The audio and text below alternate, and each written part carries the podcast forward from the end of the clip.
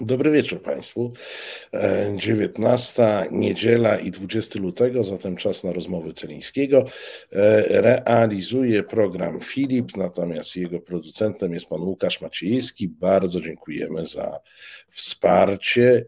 Każdy z Państwa może być producentem, każdy z Państwa może być szoroszem resetu obywatelskiego. Bardzo Państwu dziękujemy za to, że korzystacie z takiej e, okazji. E, moi drodzy, e, zgodnie z zapowiedzią będziemy dzisiaj e, rozmawiać w pierwszej godzinie o szeroko pojętej energetyce, ponieważ nasz gość ma dosyć rozległą wiedzę w tym zakresie, którą spróbuję wykorzystać. W drugiej godzinie porozmawiamy o praworządności, a w zasadzie o tym, w jaki sposób można by do niej wrócić. E, tyle wstępów. E, państwo zresztą pewnie widzą zapowiedź tego programu. Ja już zapraszam do naszego prawie studia wirtualnego pana redaktora Jakuba Wiecha. Dobry wieczór. Dobry wieczór Państwu. E, no, ja jestem akurat e, dzisiaj po drugim dniu dużej oszczędności. Oszczędność polegała na tym, że byłem jednym z tych czterech milionów Polaków, którzy nie mieli prądu po wichurach, zatem oszczędzam, no bo za te dwa dni rachunku nie, nie będę płacił. Niemniej e, wszystkim nam rachunki wzrosły. I oczywiście ja nie chcę, żebyśmy rozmawiali na poziomie billboardów, mimo że tego billboardu użyłem e, w zapowiedzi, e, ale żebyśmy sobie porozmawiali mm, o tym, co jest faktycznym powodem e, wzrostu, dosyć skokowego wzrostu ceny energii w Polsce. I czy, cytując klasyka, czy do tego musiało dojść czy, czy faktycznie odpowiedź brzmi, e, widać musiało, skoro doszło, e, i czy jesteśmy w stanie bronić się w e, krótko czy średnioterminowej perspektywie przed dalszym wzrostem. Więc zaczynając od tego, dlaczego jest drogo? Cóż, jest drogo przede wszystkim dlatego, że wzrosły praktycznie wszystkie substancje straty rachunku za energię elektryczną. E, jeżeli chodzi o to, co widzimy z perspektywy mm, konsumenta na, e, na, na tym rachunku, to mamy tutaj wzrost o około 24 i więcej procent, e, tak uśredniając, w taryfie G11, czyli tej najpopularniejszej w Polsce. I wzrosły przede wszystkim w ten składnik, którym są unijne opłaty za uprawnienia do emisji, wzrosły też opłaty mocowe, dystrybucyjne, wzrosły koszty paliwa dla energetyki, generalnie wzrosło wszystko. I te y, wszystkie czynniki, których skok y, widzieliśmy w, y, w ostatnim roku, spowodowały, że spółki elektroenergetyczne wnioskując o taryfy dla Urzędu Regulacji Energetyki na rok bieżący, no, zawnioskowały właśnie takie podwyżki. One miały być wyższe, ale tutaj Urząd Regulacji w energetyki, trochę je tak, no, w toku negocjacji ze, ze spółkami upracowali właśnie na takim mniej więcej poziomie dwudziestu kilku procent e, i, e, i zwyż. Natomiast to, co się słyszy w mm, przestrzeni medialnej, jeżeli chodzi o mm, przyczyny tych podwyżek, że to jest spowodowane mm, tak zwaną opłatą klimatyczną Unii Europejskiej. Coś, coś takiego w ogóle nie istnieje, bo opłata klimatyczna to jest pobierana w miejscowościach uzdrowiskowych od osób, które zostają tam przez e, co najmniej jeden dzień.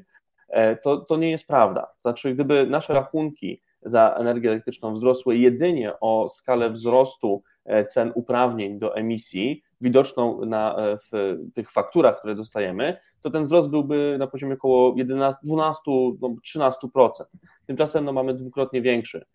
I niestety to jest, myślę, że jeden z takich pierwszych zwiastunów ogromnej degrengolady naszego systemu elektroenergetycznego, który został no, zapuszczony, mówiąc, mówiąc brutalnie, przez ostatnie 30 lat y, myśmy nie, nie mieli transformacji energetycznej, nadal zresztą nie do końca ją mamy. E, nie, nie, nie podejmowano działań, które powinny zostać podjęte na rzecz przystosowania polskiej energetyki do e, zmieniających się warunków legislacyjno-rynkowych związanych głównie z polityką klimatyczną Unii Europejskiej, ale też ze stanem infrastrukturalnym polskiej energetyki. Mówię tutaj głównie o starzejących się mocach, które trzeba będzie już wkrótce zastępować. Te podwyżki, które mm, tak rozbudziły, rozpaliły debatę publiczną w ciągu ostatnich kilku tygodni, to jest moim zdaniem taka pierwsza część długiej fali podwyżek, która będzie nam towarzyszyć jeszcze przez lata i niestety może skutkować nie tylko problemami w budżetach domowych, może e, skutkować nie tylko poszerzeniem się grupy społecznej, e, która objęta jest e, tak zwanym zjawiskiem ubóstwa energetycznego, ale też może to być przyczynek do tego, by z Polski zaczęły uciekać inwestycje. Na początku tego roku pojawiły się w mediach informacje, że jedna z firm komputerowych produkująca podzespoły do, do, do komputerów, do, do układów scalonych, yy, przekierowała swoją inwestycję, która mogła trafić do Polski na inne państwa Unii Europejskiej, z tego właśnie względu, że my mamy zawęglowiony miks, który yy, odstrasza tak wizerunkowo, ale też powoduje coraz większe problemy z yy, cenami energii.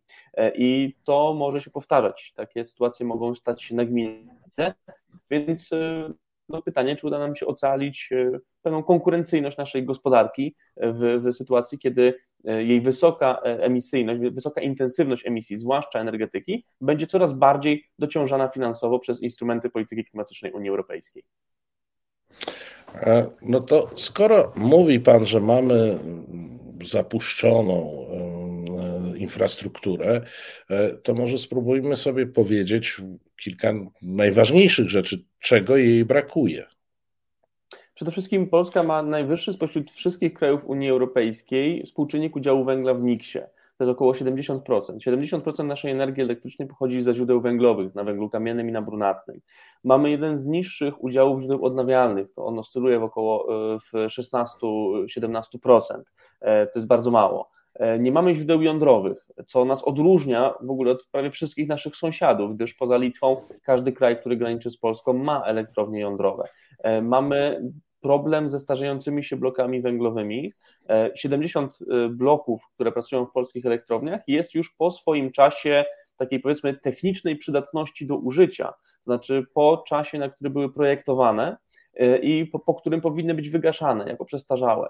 To się przekłada nie tylko na e, ich spadającą wydajność, ale też na zwiększoną awaryjność. E, I ta awaryjność może nas pchać na bardzo niebezpieczne wody, wody albo w konieczności importu mocy z zagranicy, z innych systemów elektroenergetycznych, gdzie e, import taki to jest, to jest zjawisko, które raczej nie jest pożądane na, na, na, w, w, takich sytuacjach awaryjnych, gdyż on jest bardzo drogi wtedy, e, albo też możemy już otrzeć się o no, zjawisko, które określa się mianem brownoutu, czyli można powiedzieć, że to jest taki nasz 20 stopień zasilania, e, polegający na tym, że ze względu na deficyt mocy operator systemu elektroenergetycznego decyduje się pozbawić część e, odbiorców energii elektrycznej, żeby utrzymać kontrolę nad systemem, albo możemy też e, mieć do czynienia z blackoutem, czyli z rozległą awarią systemu elektroenergetycznego, która jest zwiastunem tego, że operator stracił panowanie nad systemem. To jest oczywiście na razie bardzo radykalne scenariusze, tutaj nie chcę straszyć nikogo,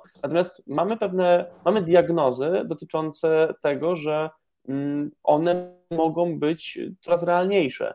I niestety poprzednie lata pokazywały, że nasza scentralizowana w dużej, w dużej mierze energetyka, na przykład oparta na potężnej jednostce wytwórczej, jaką jest elektrownia Bełchatów, może mieć problemy e, właśnie ze względu na swój scentralizowany model i na brak e, mocy, które by e, pracowały jako taka rezerwa, gdyż w, w ubiegłym roku, w grudniu, E, no, doszło do sytuacji, gdzie nasz operator systemu elektroenergetycznego musiał zwrócić się do, o pomoc do innych operatorów, gdyż zabrakło mocy do stworzenia rezerwy systemowej.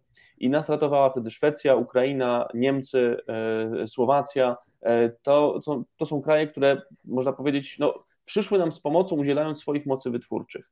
Natomiast gdyby na to nałożyło się na przykład e, to, co się stało z elektrownią Bełchatów w, mm, e, w połowie ubiegłego roku, kiedy tam doszło do rozległej awarii stacji e, rozdzielczej, która wyrzuciła z systemu 10 bloków i pozbawiła polskie, polską energetykę około 4 gigawatów mocy, albo gdyby stało się z, z, z tą jednostką to samo, co stało się tydzień później, gdzie mieliśmy pożar w taśmociągu w największym bloku elektrowni Bełchatów i w 800 MW wyleciało z systemu, albo gdyby się stało z, z, tą jednostką to, co się stało dwa lata temu, w roku 2020, kiedy ona podczas deszczów nawalnych została zalana i też wypadło nam z systemu ponad 3 gigawaty, no mielibyśmy bardzo poważny problem. E, I to są niestety wydarzenia, które no, nie dotykają nas wtedy, kiedy na przykład mamy największe zapotrzebowanie na moc, e, ale no, mamy po prostu szczęście. I my musimy w tym momencie już myśleć o tym, czym e, będziemy zapełniać nie tylko rosnące zapotrzebowanie na energię elektryczną, bo ono będzie w Polsce rosnąć bardzo gwałtownie, ale też czym będziemy zapełniać te moce, które idą powoli w odstawkę, a ich będzie szło bardzo dużo. Mamy już zresztą terminarz wyłączenia na przykład e, elektrowni Bełchatów właśnie. E, I obawiam się, że wskutek pewnej opieszałości i problemów instytucjonalnych polskiego państwa, które e, są rozciągnięte w zasadzie na cały okres e, po 1989 roku, bo nasze państwo zawiodło e, na płaszczyźnie elektroenergetycznej, tworząc pewne struktury, które powinny być stworzone, no to możemy się znaleźć w bardzo niekorzystnej sytuacji, która będzie tworzyć ogromne ryzyka, zarówno gospodarcze, jak i wręcz no, dla bezpieczeństwa w tym najbardziej podstawowym rozumieniu jako e, nieprzerwanych dostaw energii dla, dla mieszkańców. Ta, ta sytuacja, w której znalazł się Pan dzisiaj, czyli e, pozbawienie dostaw prądu przez e, kilkanaście godzin, no, może być tutaj w przyszłości znacznie częstsza. No, dlatego też po pierwszym takim doświadczeniu zaopatrzyłem się w podstawowy sprzęt podtrzymujący pracę urządzeń w domu, ale e, Okej, okay, mamy te zaniedbania. Rozumiem, że zaniedbania biorą się z braku inwestycji. Raz e, w infrastrukturę samą przesyłową, dwa w inne alternatywne źródła energii dla węgla. E, to w takim razie powiedzmy sobie też, kto powinien inwestować i jaka to jest skala, bo z tego, co czytałem, e, spółki, producenci e, energii elektrycznej mają zatwierdzone dosyć wysokie marże na swoją sprzedaż, marże 40% i to chciałbym. E, niewiele jest takich biznesów, e, które mają aż takie marże, zatem nie są to spółki biedne i mają pewien kapitał dodany, kumulujący się e, ze sprzedaży. Przy okazji działają na dosyć stabilnym rynku, jeśli chodzi o odbiór, tak? bo konsumentów mają zapewnionych. A w Polsce, kiedy przychodzi, nie wiem, do inwestycji w farmy wiatrowe, to bierze się za to Orlen, a nie spółki e, energetyczne. Nie wiem, czy to jest logiczne, czy ja czegoś nie rozumiem. Tutaj patrząc na e, przykład Orlenu, no, dla spółki to jest bardzo logiczne. Znaczy, Orlen w tym momencie e, po przejęciu energii jest koncernem w zasadzie multienergetycznym i nie jest już tylko koncernem paliwowym, ale też ma istotne moce zainstalowane w energetyce, w dużej mierze właśnie odnawialnej, więc dla Orlenu inwestycja w morskie farmy wiatrowe jest poniekąd przedłużeniem działalności, którą on już prowadzi. Jasne, e, a dla szóstki pozostałych producentów energii?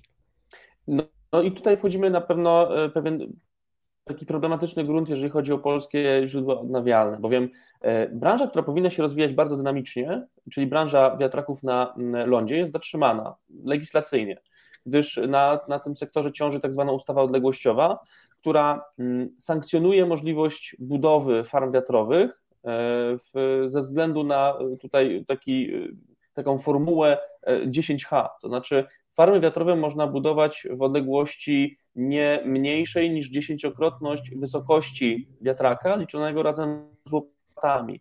I to wykluczyło z inwestycji w tego typu jednostki bardzo dużą część naszego kraju. One praktycznie stanęły. E, po wdrożeniu tej, e, tej ustawy. I e, to nas pozbawiło bardzo istotnego substratu miksu energetycznego, który powinien z jednej strony dawać nam właśnie czyste, bo bezemisyjne moce, a z drugiej strony właśnie przez, to, przez ten brak obciążenia emisyjnego w, no, powinien obniżać nam rachunki za energię elektryczną. I niestety no, cały czas tutaj pojawiają się co prawda głosy, że ta ustawa będzie wkrótce zmieniona, że na przykład uprawnienia w kwestii o, o, określania, czy dany teren może być zabudowany wiatrakami, czy nie, będą scedowane na samorządy. Na razie tak się jednak nie dzieje. I e, tutaj, jeżeli chodzi o inne segmenty źródeł odnawialnych, które powinniśmy rozwijać, no to jesteśmy mm, jednym z nielicznych dużych krajów w Europie, które wciąż nie mają morskich farm wiatrowych. One są co prawda teraz bardzo intensywnie rozwijane, jeszcze na poziomie na razie e, powiedzmy e, pozwoleń i, i poczynnej e, papierologii i mamy już pierwsze zgody środowiskowe i pewne pierwsze warunki do, do budowy tego typu jednostek, natomiast no, brak tych mocy jest bardzo dotkliwy w tym momencie dla Polski. Z jednej strony właśnie z, z tych samych względów, o których tutaj mówiłem, czyli bo byłyby to bezemisyjne moce, a z drugiej strony e, ze względu na niskie nasycenie mocami wytwórczymi północnego e, regionu kraju. Już całościowo o, o, to, e, to z racji tego, że nasza elektroenergia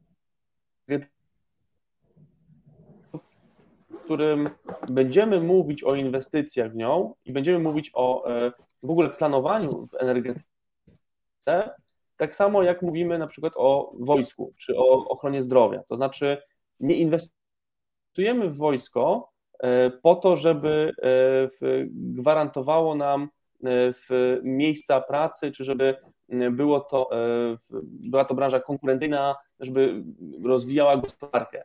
My inwestujemy w wojsko po to, żeby czuć się bezpiecznie, żebyśmy mieli siłę, e, która gwarantuje nam spokojny roz, rozwój i e, egzystencję bez pewnych negatywnych e, zagrożeń, które by na nas, na nas czyhały. I myślę, że z racji tych zapóźnień w energetyce, to niestety zbliżamy się do punktu, gdzie na ten sektor będziemy patrzeć podobnie. To znaczy, Będziemy e, przeznaczać na nią dużą część pieniędzy, z, z istotną może część pieniędzy w ramach wydatków powiedzmy publicznych. Będziemy wspierać nasze spółki elektroenergetyczne e, i e, dzięki temu będziemy zapewniać sobie bezpieczeństwo energetyczne. I po to moim zdaniem powstaje coś takiego jak Narodowa Agencja Bezpieczeństwa Energetycznego, czyli taka, no nazwijmy to przechowalnia dla aktywów węglowych polskiej energetyki, która ma no, być takim workiem, do którego będziemy wrzucać zarówno aktywa węglowe, jak i pieniądze, żeby one funkcjonowały, żeby zapewniały nam tę podaż energii, a z drugiej strony ma odsączyć te moce e, z, z spółek elektroenergetycznych i poprawić tym ich sytuację finansową, bowiem w tym momencie te aktywa ciążą grupom energetycznym, e, i e, obniżają ich, ich wyniki, obniżają ich możliwości finansowe, obniżają ich możliwości rozwoju. Więc uważam, że tutaj akurat jeżeli chodzi o inwestycje, no to trochę już tak naprawdę przespaliśmy ten moment, kiedy dało się to zrobić w sposób bardziej rynkowy, e, jeżeli chodzi o ten powiedzmy rdzeń polskiej energetyki. Nam teraz potrzeba potężnego programu e, rozbudowy mocy i wątpię, żeby polskie spółki były na to gotowe bez odpowiedniej pomocy państwa. No, ja bym jeszcze rzucił retoryczne pytanie, czy to muszą być polskie spółki, no ale rozumiem, że e, przy sytuacji, której mamy, przy której chociażby, jak mówimy o elektryce, energetyce wiatrowej, e, rząd pozbył się koncernu BMW z Polski, no to rozumiem, że, że tylko o polskich możemy mówić.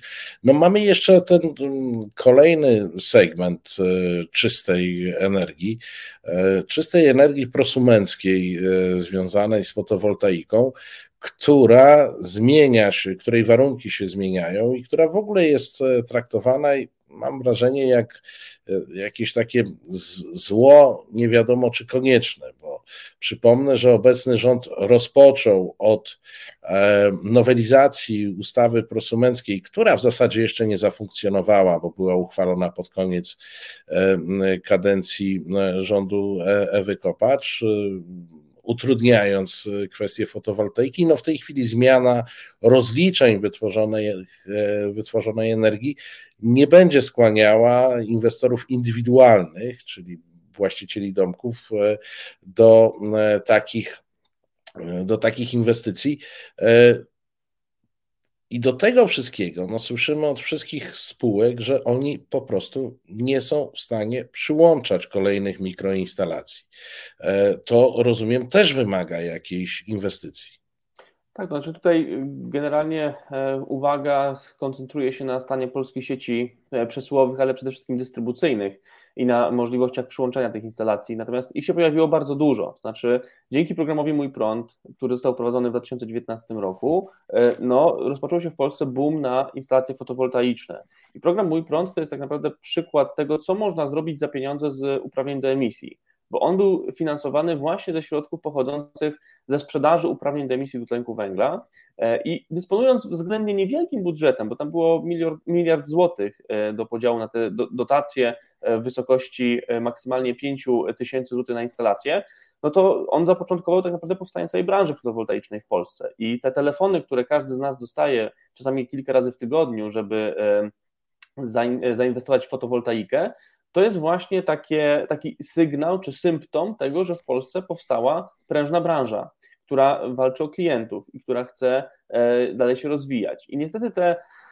zmiany, które w tym momencie wchodzą i będą obowiązywać od kwietnia e, tego roku, zmiany w systemie rozliczeń w instalacji fotowoltaicznych, czyli tak zwany net billing, no będą utrudnieniem, to znaczy one nie, może nie przyblokują fotowoltaiki jako takiej, ale znacząco odsączą e, liczbę podmiotów, które są zainteresowane nimi, gdyż e, to jest e, tutaj po prostu te, te, te inwestycje będzie się dłużej zwracać. W tym momencie zwrot z instalacji fotowoltaicznej, tak uśredniając, to jest około 6 do 9 lat. On się wydłuży do kilkunastu po, po wejściu tych, tych nowych regulacji w życie. Natomiast no, tutaj rząd to tłumaczy właśnie pewną koniecznością odciążenia sieci elektroenergetycznej, która jest w tym momencie w ramach obecnego systemu e, rozliczeń i systemu funkcjonowania elektroenergetyki prosumenckiej traktowana jako taki wirtualny magazyn e, mocy, który musi przyjmować e, moc wygenerowaną przez instalacje fotowoltaiczne. No i tutaj pojawiają się właśnie problemy na płaszczyźnie takiej Mm, infrastrukturalnej, to znaczy te, te nasze sieci elektroenergetyczne y, i, i, to, jak w tym momencie one y, podchodzą do źródeł odnawialnych, no widać tutaj pewien sceptycyzm. Sceptycyzm moim zdaniem warunkowany tym, że y, dalsze, dalszy rozwój jednostek, które pracują zależnie od pory dnia i nocy albo zależnie od warunków pogodowych, musiałby w Polsce być rozwijany równolegle z dużymi nakładami w siecie E, przesyłową sieci dystrybucyjne. E, więc e, po prostu chyba tutaj wrzuciliśmy taki ręczny hamulec po to, żeby, żeby dać sobie czas na rozwój sieci przesyłowych i dystrybucyjnych, no bo z tyłu głowy mamy przecież cały czas konieczność dostosowania naszego systemu do ogromnych mocy, które pojawią się wkrótce na Bałtyku.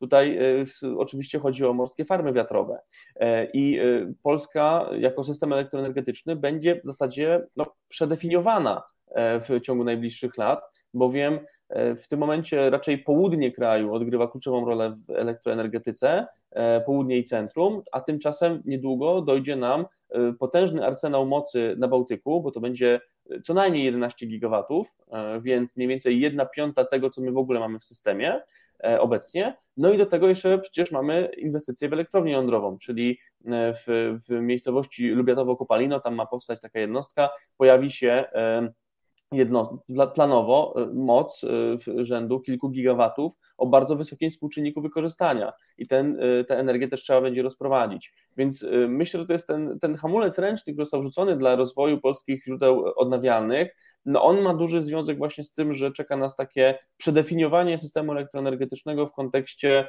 mm, takiej technicznej jego, jego pracy, technicznych możliwości wkomponowania w, nich, w niego kolejnych źródeł. E, no tylko, że na razie nie widać symptomów, żebyśmy do, do tego zdążali, bo z tego, co Pan opowiada, to ja to widzę tak. E, dotujemy, mm, wydajemy mnóstwo pieniędzy na energetykę, e, bo dotujemy tak naprawdę węgiel, dotując, dotując górnictwo. Dotujemy na różne sposoby, na różne sposoby spółki energetyczne, raz z kieszeni publicznej, raz z kieszeni prywatnej. Był nieduży program, ale gdyby dołożyć programy samorządowe, bo choćby w mieście, w którym ja mieszkam, w Warszawie, to poza tym programem rządowym dużo korzystniejszy był program rządowy, który, no, niestety, samorządowy, przepraszam, warszawski, który, gdzie można było do 80% kosztów inwestycji uzyskać i w wielu miastach Polski tego typu programy istniały. No, wiadomo, w tej chwili one są trochę słabsze, ale to się związało z, z, z ograniczeniem budżetów samorządowych, więc tu znowu wydajemy mnóstwo pieniędzy. Wydamy mnóstwo pieniędzy na elektrownie e, wiatrowe, na które nie jest przygotowana e, polska sieć i gdzieś jeszcze wydajemy na tą żaróweczkę, którą nam malują e, producenci e, energii, to już abstrahując od tych procentów, tak? Wyjaśnił Pan to na początku, ale e, ograniczamy, ograniczamy czystą energię, bo nie jesteśmy w stanie jej przyjąć do sieci, a później narzekamy, że płacimy drożej, ponieważ za brudną energię się płaci, mówiąc pewnym skrótem myślowym. Więc z której strony nie spojrzeć, my płacimy, e, a nie widać z tego ścieżki wyjścia, no bo to e, przy normalnym rachunku powinniśmy postawić na coś, zainwestować i mieć z tego zwrot, na przykład w postaci niższych kosztów e, w takim czy innym zakresie. A my płacimy na wszystko, nie widać, gdzie gdzie byłby ten zwrot. Widać gdzieś ten zwrot? Cóż, no tutaj można tylko odwołać się w zasadzie do rządowych planów transformacji energetycznej, czyli przede wszystkim do polityki energetycznej Polski do 2040 roku. To jest taki dokument, który ma E, być mapą drogową rozwoju polskiego sektora energetycznego na najbliższe 20 lat. E, no i po nim widzimy, że e, tak naprawdę ulga dla systemu elektroenergetycznego, jeżeli chodzi o tutaj pewne fiskalne ciężary, które nad nim ciążą, związane z emisjami, bo to właśnie emisja jest dociążana w ramach polityki klimatycznej Unii Europejskiej takimi sankcjami finansowymi, no to następuje dopiero po tak, widocznym kształcie, dopiero na początku lat 30 kiedy mamy farmy wiatrowe na Bałtyku, kiedy mamy e, elektrownię jądrową, e, pierwszy blok tej elektrowni podpięty do sieci. Także przed nami dekada tak naprawdę e, no, gaszenia pożarów w energetyce. Gaszenia pożarów na różnych poziomach, zarówno na poziomie sieci przesyłowych, jak i na poziomie zastępowania starzejących się i emisyjnych mocy nowymi, jak i na e, poziomie też e, drożejących, e, skaczących cen dla odbiorców indywidualnych i potencjalnych problemów związanych ze, ze stanem i jakością naszych, naszych elektrowni. Do tego trzeba doliczyć jeszcze też potencjalne problemy ciepłownictwa, które już są sygnalizowane przez spółki ciepłownicze, a które są związane z tym, że no, one, te, te, te jednostki muszą się z, z węgla na inne paliwa, głównie to jest gaz e, i tutaj rodzą się już pewne problemy. No więc e, tak naprawdę to czeka nas bardzo trudna dekada i to jest coś, co myślę, mm, no w zasadzie można tutaj zastanawiać się, czy, czy, czy, czyja to jest wina, i tutaj katalog jest naprawdę szeroki. Natomiast co mnie najbardziej przeraża, to jest to, że e, zarówno rząd, jak i opozycja trochę ten problem spłycają. To znaczy, mamy tutaj przerzucanie się takim gorącym ziemniakiem e, odpowiedzialności, natomiast e, nie mamy konkretnego planu na maksymalne zabezpieczenie naszej energetyki.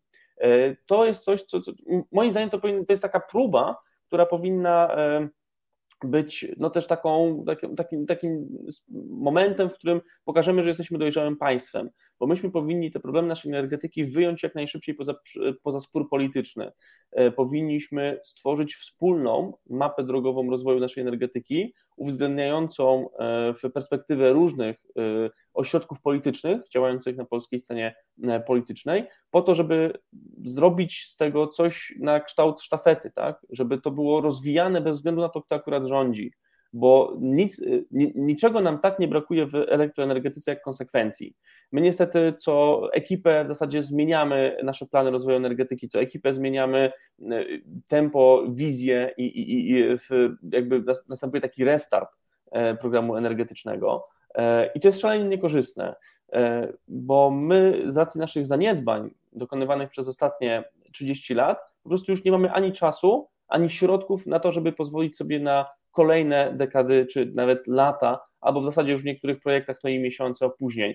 Myśmy powinni nadrabiać te zaległości jak najszybciej teraz potrafimy, bo każda e, chwila zwłoki odbije się nam czkawką, czkawką w postaci wysokich rachunków, w najlepszym wypadku, czy innych problemów związanych z funkcjonowaniem sektora elektroenergetycznego. Niestety, jak na razie, no, nie dajemy tej rękojmi państwa dojrzałego i państwa skutecznego, e, i e, no to z przykrością tutaj rozciągam na całą scenę polityczną, e, gdyż, gdyż nie ma żadnej, żad, po żadnej ze stron nie widzę takich, takich pomysłów, co jest bardzo niepokojące, bo te problemy są naprawdę realne i decyzje muszą być podejmowane już teraz, bo w elektroenergetyce E, no, kwestie inwestycyjne, kwestie mm, pewnych zmian to są kwestie rozciągnięte na lata e, z przyczyn oczywiście infrastrukturalnych i tego, jak funkcjonuje elektroenergetyka. E, natomiast no, im szybciej tym podejmiemy te decyzje, tym szybciej one ujrzą jakieś Im szybciej za, zaczniemy, tym szybciej skończymy. No. Tak jest. Stara, stara zasada. Teraz pozwolimy sobie na e, chwilę muzycznego oddechu, ale nie uciekajcie Państwo. My z e, redaktorem Biechem zaraz po tej krótkiej przerwie wracamy. Znudzeni mainstreamowymi newsami? Czas na reset obywatelski. Zaangażowane dziennikarstwo. E, Marcin Celiński, Reset Obywatelski w programie naszym niedzielnym. Jest z nami redaktor Jakub Bieg, defense24.pl. E, panie redaktorze, przecież e, to nie jest tak, że wszyscy budowali te sieci elektroenergetyczne inaczej i z tym problemem musi, z takimi problemami jak my musieli sobie radzić. Więc pod tym względem pewne zapóźnienie jest e, jednocześnie e, pomocne, ponieważ nie musimy sami wymyślać, e, co z tym fantem zrobić, tylko mamy jakieś przykłady i jak możemy się uczyć na błędach i sukcesach innych.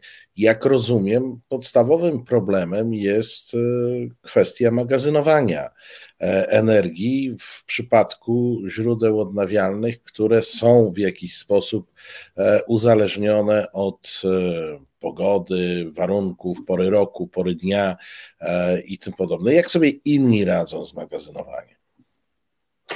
Znaczy tutaj w zasadzie magazynów w tym naszym rozumieniu praktycznie nie ma, jeżeli chodzi o Y, dostatecznie duże pojemności, by stworzyć y, system oparty na takim stopniu udziału źródeł odnawialnych, jaki postulujemy. Ten cel 100% OZE, który, który wysuwają niektóre grupy czy partie polityczne, jest w tym momencie nierealny. Największe komercyjnie dostępne magazyny energii to jest pojemność jednej 1,2 gigawattogodziny. To wystarczy do zasilenia Warszawy przez około 60 minut no, Warszawy z przyległościami. To jest stanowczo za mało, żeby mówić o jakimkolwiek e, sensownym sposobie budowania sieci e, opartej wyłącznie na, na źródłach odnawialnych. I e, ten jakby prąd, główny nurt polityki klimatycznej Unii Europejskiej i recepcja tej polityki w krajach członkowskich pokazały, że mamy tutaj na starym kontynencie takie dwa podejścia. Albo mamy dążenie do e, właśnie jak e, największych, e, największych możliwości w zakresie mm, źródeł odnawialnych i one są wtedy bilansowane zazwyczaj gazem, ale też do pewnego stopnia węglem i takie podejście ma na przykład Republika Federalna Niemiec, albo stawiamy w, na bardzo zbilansowany miks złożony ze źródeł odnawialnych, z atomu, z pewnych magazynów energii, które mogą być wdrażane, czy na przykład magazynów szczytowo-pompowych, E, i do tego jeszcze dorzucamy w mniejszym stopniu e, pewne w zasadzie takie bardziej awaryjne jednostki oparte na paliwach kopalnych i tak ma to miejsce w, w, we Francji. No i zdarzają się też takie powiedzmy systemy, no nie chcę powiedzieć pośrednie, ale systemy oparte na regionalnych uwarunkowaniach. Na przykład Norwegia w zasadzie jest zasilana w całości źródłami hydroenergetycznymi, bo mają ku temu e, Norwedzy, e, Norwegowie właściwości. E, tak samo nasi sąsiedzi z południa, Słowacy, w dużej mierze opierają się właśnie na hydroenergetyce, do tego dochodzą w Polsce. Natomiast generalnie patrząc, no to podstawowym celem unijnej polityki klimatycznej jest dekarbonizacja, to znaczy obniżenie emisji gazów cieplarnianych. I myśmy powinni iść przede wszystkim właśnie w tym kierunku. Ja uważam, że e, z racji e, w, no, zarówno postępującej zmiany klimatu, e, tu mówię o płaszczyźnie bardziej europejskiej niż polskiej, jak i naszych zapóźnień w kwestii właśnie obniżania emisji, no to już nie możemy, nie stać nas na taki luksus fetyszyzowania pewnych technologii i dobierania sobie narzędzi do dekarbonizacji. Myśmy powinni brać wszystko, co jest na stole. Więc odpowiedzialny miks energetyczny e, w państwa zarówno polskiego, jak i e, w Unii Europejskiej powinien być złożony zarówno z energetyki jądrowej, jak i ze źródeł odnawialnych. E, I tutaj magazyny energii, kiedy się pojawią, one na razie tutaj nie znam przewidywań, które wskazywałyby, że do 2050 roku będziemy dysponować mm, satysfakcjonującymi możliwościami magazynowania energii, żeby oprzeć się tylko na źródłach odnawialnych. Natomiast powinniśmy je rozwijać oczywiście, tak samo jak powinniśmy rozwijać na przykład małe reaktory jądrowe, czy y, gdzieś wprowadzić pracę w kierunku fuzji termojądrowej, która oczywiście jest jednak pieśnią przyszłości, natomiast y, jest y, z punktu widzenia technologicznego niezwykle atrakcyjną technologią. Niemniej no, mamy ten jednak problem, że e, w, są pewne rozdźwięki na mapie Unii Europejskiej, jeżeli chodzi o e, techniczną stronę realizacji mm, tej transformacji energetycznej. Bo na przykład kraje takie jak Niemcy, czy Austria, czy e, w, też do pewnego stopnia Włochy, one zwalczają energetykę jądrową. Co jest moim zdaniem no, zupełnie niezrozumiałe, jeżeli chodzi o mm, realizację polityk klimatycznych w Unii Europejskiej, bowiem w tym momencie w Unii Atom to jest 25% wytwarzania energii elektrycznej. Jedna czwarta naszej energii elektrycznej pochodzi e, ze źródeł e, jądrowych. Jeżeli my będziemy wygaszać te istniejące bloki oraz jeżeli nie będziemy budować nowych, to e, ryzykujemy, że z naszą, naszym systemem stanie się to samo, co w systemie niemieckim, gdzie w ubiegłym roku zniknęła połowa reaktorów jądrowych, które zostały po prostu wyłączone e, i tam emisje e, wzrosły, gdyż te jednostki zostały zastąpione w dużej mierze paliwami kopalnymi. E, nie stać nas już teraz na taką rekarbonizację. Natomiast na drugim biegunie pozycjonują się państwa projądrowe i tutaj znowu odwołam się do przykładu naszych południowych sąsiadów, który z jednej strony pokazuje, że małe państwa potrafią skutecznie robić transformację energetyczną, e, a z drugiej strony, że potrzebna nam też energetyka jądrowa w tym wszystkim, bowiem e, Słowacja oparła się na źródłach jądrowych i na źródłach odnawialnych i za 2-3 lata będzie mieć energetykę o pomijalnie e, małej emisji. Tam intensywność emisji będzie wynosiła kilkanaście do kilkudziesięciu gramów dwutlenku węgla na kilowatogodzinę wyprodukowanej energii. I Słowacy będą to, to mieli dzięki miksowi energetycznemu złożonemu ze źródeł odnawialnych z energetyki e, jądrowej. Więc Słowacje w tym momencie już uprawnienia do emisji i system ETS mało co obchodzą. E, nasze argumenty wysuwane przez, przez Warszawę w kwestii właśnie reformy systemu handlu emisjami, jakieś odciążenia gospodarek z tego tytułu, one są już coraz mniej rozumiane, one nie są podzielane przez inne państwa Unii Europejskiej, bowiem my mamy inną sytuację niż reszta. Polska elektroenergetyka jest trzykrotnie bardziej intensywna emisyjnie od średniej unijnej. To znaczy, żeby wygenerować w Polsce jedną kWh energii, my potrzebujemy trzy razy więcej emisji. A co za tym idzie, potrzebujemy też trzy razy więcej uprawnień do emisji niż średnie państwo unijne, niż przeciętny kraj Unii Europejskiej. E, I dlatego powinniśmy analizować to, co się dzieje dookoła nas, to, co, to jakie polityki wdrażają nasi, nasi sąsiedzi e, i czerpać z nich to, co najlepsze konstruując, konstruując e, naszą. I tutaj widzę właśnie, e, jeżeli chodzi o, o, o kwestię rozwoju energetyki, no widzę potrzebę uwzględnienia wszystkich technologii, e, które są w tym momencie dostępne i też obserwowania tego, co się dzieje z, z rozwijanymi możliwościami, na przykład z technologiami wodorowymi. Tutaj Pan wspomniał o tym właśnie, że, że nie będziemy ponosić takiej, takich kosztów pionierów, którzy rozwijali dane technologie, intensywnie w nie inwestując, E, i e, dzięki temu mają pewien zasób wiedzy, zasób know-how dotyczący tych właśnie rozwiązań technologicznych. My nie musimy już przechodzić przez ten etap. My możemy już skorzystać z dobrze rozwiniętych źródeł odnawialnych, które są tanie i mają znacznie lepsze parametry niż jeszcze 15-20 lat temu. Natomiast e, są inne równolegle rozwijane technologie, na przykład właśnie wspomniana tutaj już technologia wodorowa, czyli pozyskiwanie wodoru z elektrolizerów zasilanych energią ze źródeł odnawialnych lub jądrowych, Natomiast to się, to się rozwija. E, my akurat mamy tutaj pewne możliwości, jako jeden z największych producentów wodoru w Unii Europejskiej, żeby, e, żeby w tym uczestniczyć. Natomiast e, w, tutaj możemy już brać pełnymi garściami z technologii rozwiniętych, które są dostępne i to na nich opierać w dużej mierze, przeważającej mierze nasz miks energetyczny.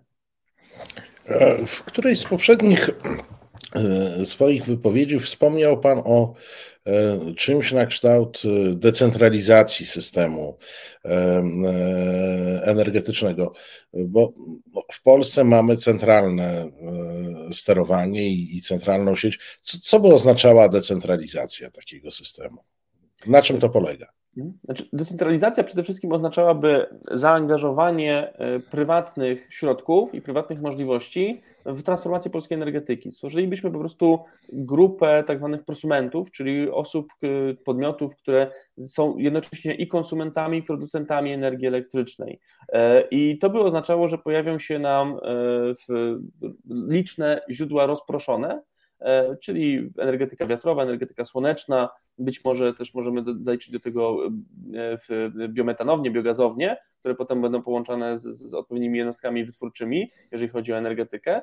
E, I w oparciu o to będziemy budować pewien segment naszej, naszej energetyki. E, I to by oznaczało, że, no właśnie, tak jak odwołując się tutaj do przykładu programu Mój Prąd, że za pośrednictwem względnie niewielkich środków, zachęt, czy, czy upustów, czy, czy, czy dopłat bezpośrednich, możemy uruchomić tak zwaną dźwignię inwestycyjną, to znaczy zaangażować dużo prywatnych środków e, i dużo e, energii oraz możliwości prywatnych do tego, żeby transformować naszą energetykę, żeby ona e, szła w pożądanym przez politykę klimatyczną Unii Europejskiej kierunku.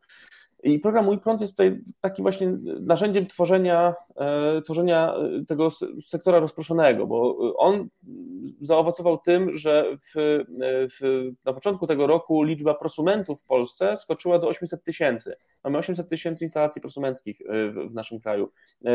Moce zainstalowane w fotowoltaice urosły w ciągu ostatnich dwóch lat, jeżeli się nie mylę, około trzykrotnie. Także to, to jest oszałamiający rezultat. To są naprawdę gigantyczne przyrosty. E, I teraz fotowoltaika to jest już, e, jeżeli chodzi o tylko segment mocy zainstalowanych, to jest już ponad, to jest około 15% naszego systemu elektroenergetycznego. Oczywiście te jednostki mają bardzo niski współczynnik wykorzystywania mocy zainstalowanej.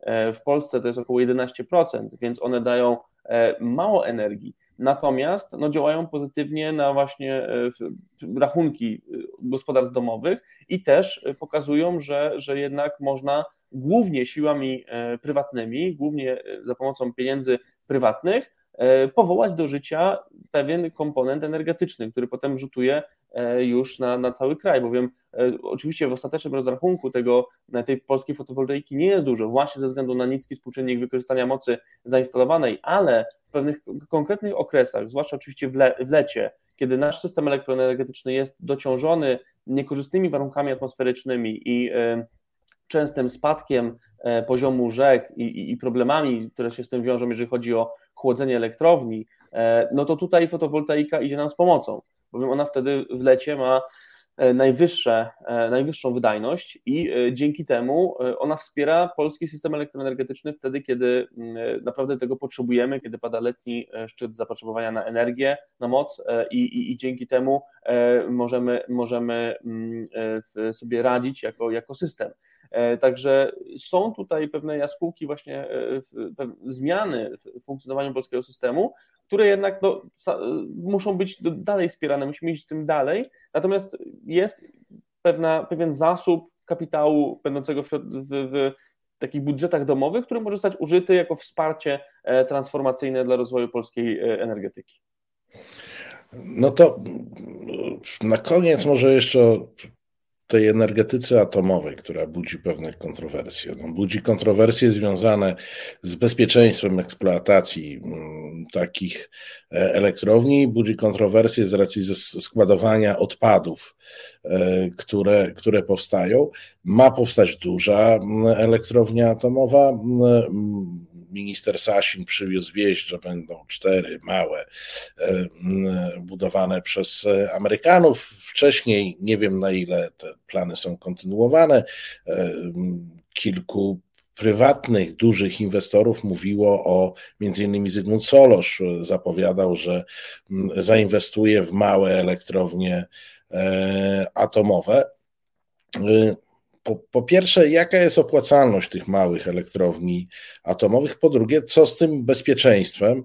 E, bo Klasycznie elektrownie atomowe na zachodzie chociażby, ja sam miałem okazję kiedyś to widzieć, e, były budowane bardzo kompleksowo, włącznie z własnym systemem obrony rakietami ziemia-powietrze. Znaczy, budowano te systemy e, rakietowe e, mające chronić elektrownie. Więc wydaje się, że to po pierwsze E, jest jednak większa inwestycja niż sama elektrownia i kwestia jej bezpieczeństwa jest kwestią dosyć trudną do e, uniesienia. Sam pan użył przykładu armii, z armią też mamy nie najlepiej.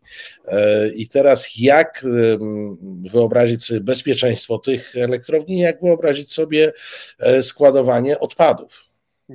Jeżeli chodzi o bezpieczeństwo zarówno dużych bloków jądrowych, jak i małych reaktorów, których jeszcze nie ma technologicznie dostępnych, no to, to są najbezpieczniejsze jednostki wytwórcze. Tutaj y, odwołuję się do pracy Jamesa Consy, który jest taki amerykański e, w, e, naukowiec, który zajmuje się systemami elektroenergetycznymi. On policzył po prostu, ile zgonów ludzkich powoduje wytwarzanie energii z poszczególnych y, źródeł. I energetyka jądrowa jest tutaj najbezpieczniejsza, przede wszystkim ze względu na zaangażowanie ogromnych y, Y, sił i środków właśnie jeżeli chodzi o systemy bezpieczeństwa, ale też z uwagi na to, że ona jest praktycznie bezemisyjna. Nie generuje żadnych y, emisji gazów cieplarnianych, nie oddziałuje prawie w ogóle na e, środowisko e, zewnętrzne. E, energetyka jądrowa jest schludna, jeżeli o to chodzi. Natomiast bezpieczeństwo jest tutaj oczkiem w głowie dostawców technologii.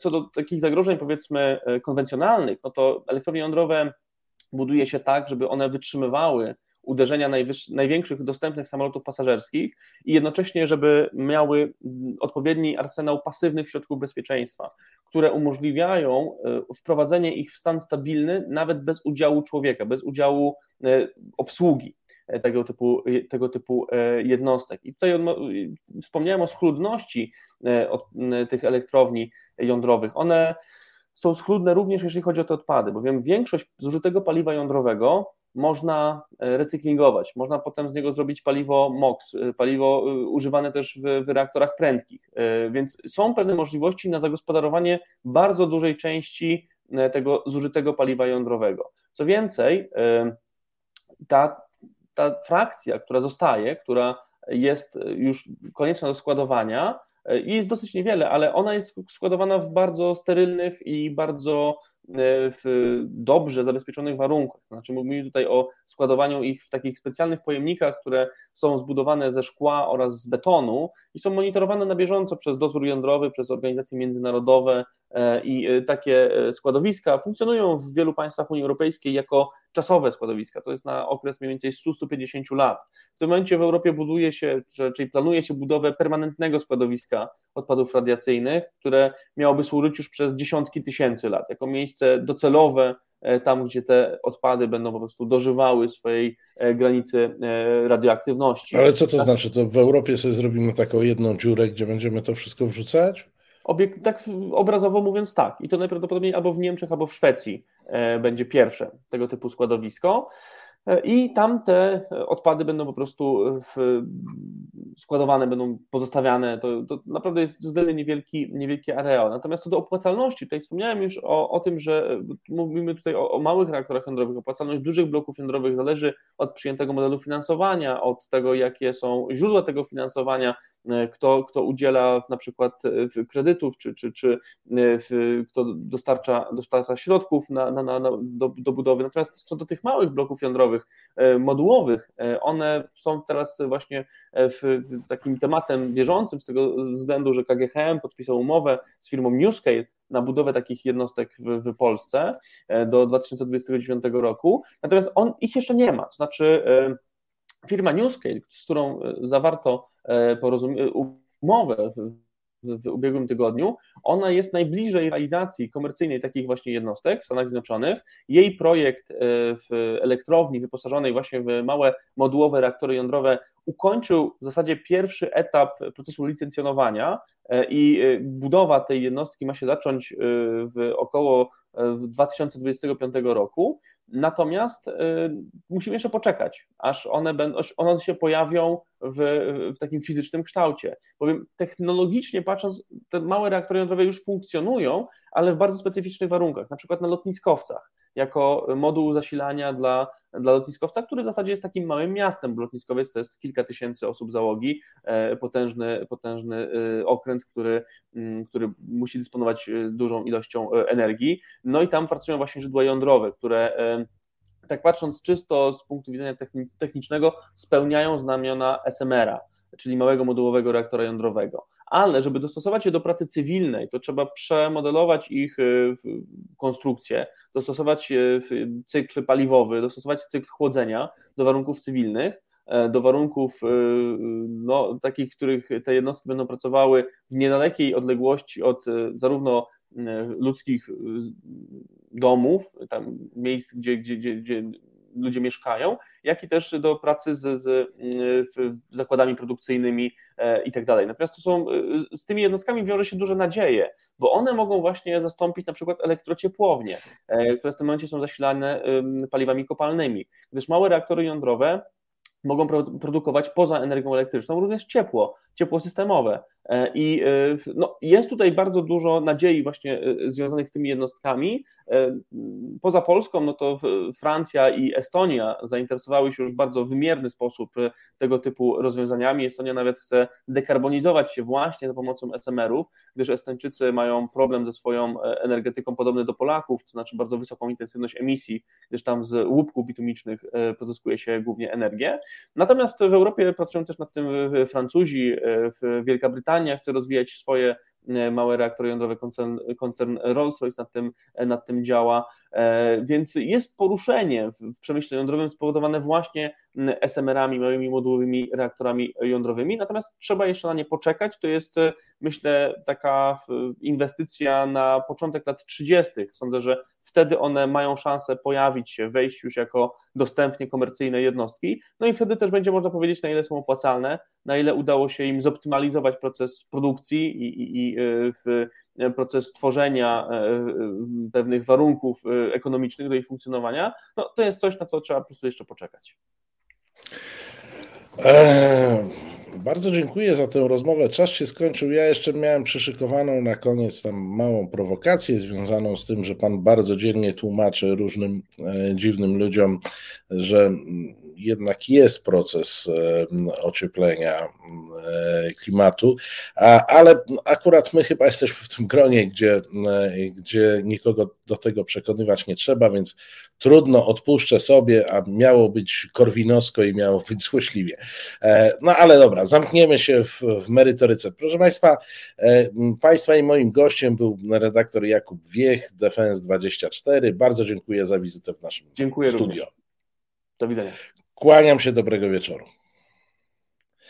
E, proszę Państwa, nie, nie będę podsumowywał. No, e, państwo na czacie e, dyskutują, Państwo na czacie spierają się na temat wyższości jednego nośnika, potencjalnego nośnika energii nad, nad drugim e, i wytwarzania. E, fakt jest faktem, że może jedną refleksją się po tej e, rozmowie z Państwem podzielę.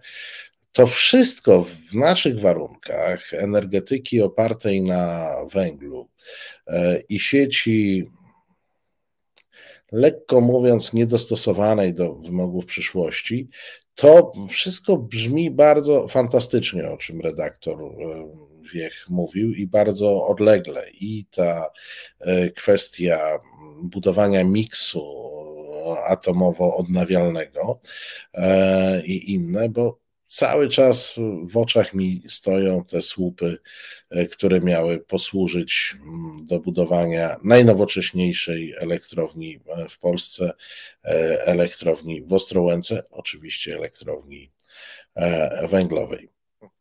No ale mam, mam nadzieję, że, e, że jest perspektywa, w której mm, będziemy zbliżać się do e, energetyki spełniającej wymogi e, tego, co nas czeka. No, także spełniającej wymogi problemów przed chwilą e, w trakcie e, przerwy muzycznej przeczytałem, że milion dwieście tysięcy Polaków, proszę Państwa, e, był pozbawionych energii elektrycznej w wyniku ostatnich wichur. I to nie dlatego to mówię, że byłem jednym z nich, ale przepraszam, nie Polaków, gospodarstw, mieszkań, gospodarstw domowych. Milion dwieście tysięcy. Milion dwieście tysięcy. Proszę Państwa, to naprawdę e, nie są żarty, a te wiatry wieją z jakiejś e, przyczyny e, i one zdaje się, że będą nam towarzyszyć przez najbliższe lata. Proszę Państwa, w tej chwili krótka muzyczna przerwa, a po przerwie zmieniamy temat i z energią, ale ruszymy na pole praworządności. Ale to już po przerwie. Reset Obywatelski. Medium, które wsłuchuje się w głos swoich odbiorców. Reset Obywatelski, rozmowy Celińskiego. Program realizuje nadal e, Filip, a producentem programu jest pan Łukasz Maciejewski. Bardzo dziękujemy za wsparcie. Jest z nami już nasz gość, redaktor Tomasz Sawczuk, Kultura Liberalna. Dobry wieczór. Dobry wieczór. No to teraz będziesz się tłumaczył.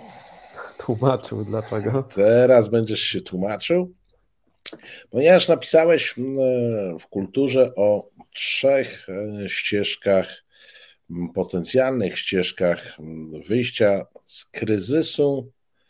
Właśnie zastanawiam się, jak go nazwać jednym słowem, bo to jest i kryzys systemu sądownictwa, i kryzys e, z tym wiążący się praworządności, ale mam wrażenie, że to już ja dopowiadam o tym, nie pisałeś, że mamy też kryzys takiego elementarnego społecznego poczucia sprawiedliwości, który dla mnie z tych trzech e, kryzysów jest chyba e, najdotkliwszy, i na, no, ale wynika z tych dwóch pierwszych. To bez likwidacji dwóch pierwszych nie dojdziemy do trzeciego.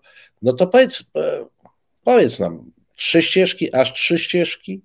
E, niektórzy mówią, że w ogóle jest sytuacja bez wyjścia, a ty mówisz, że są trzy drogi wyjścia.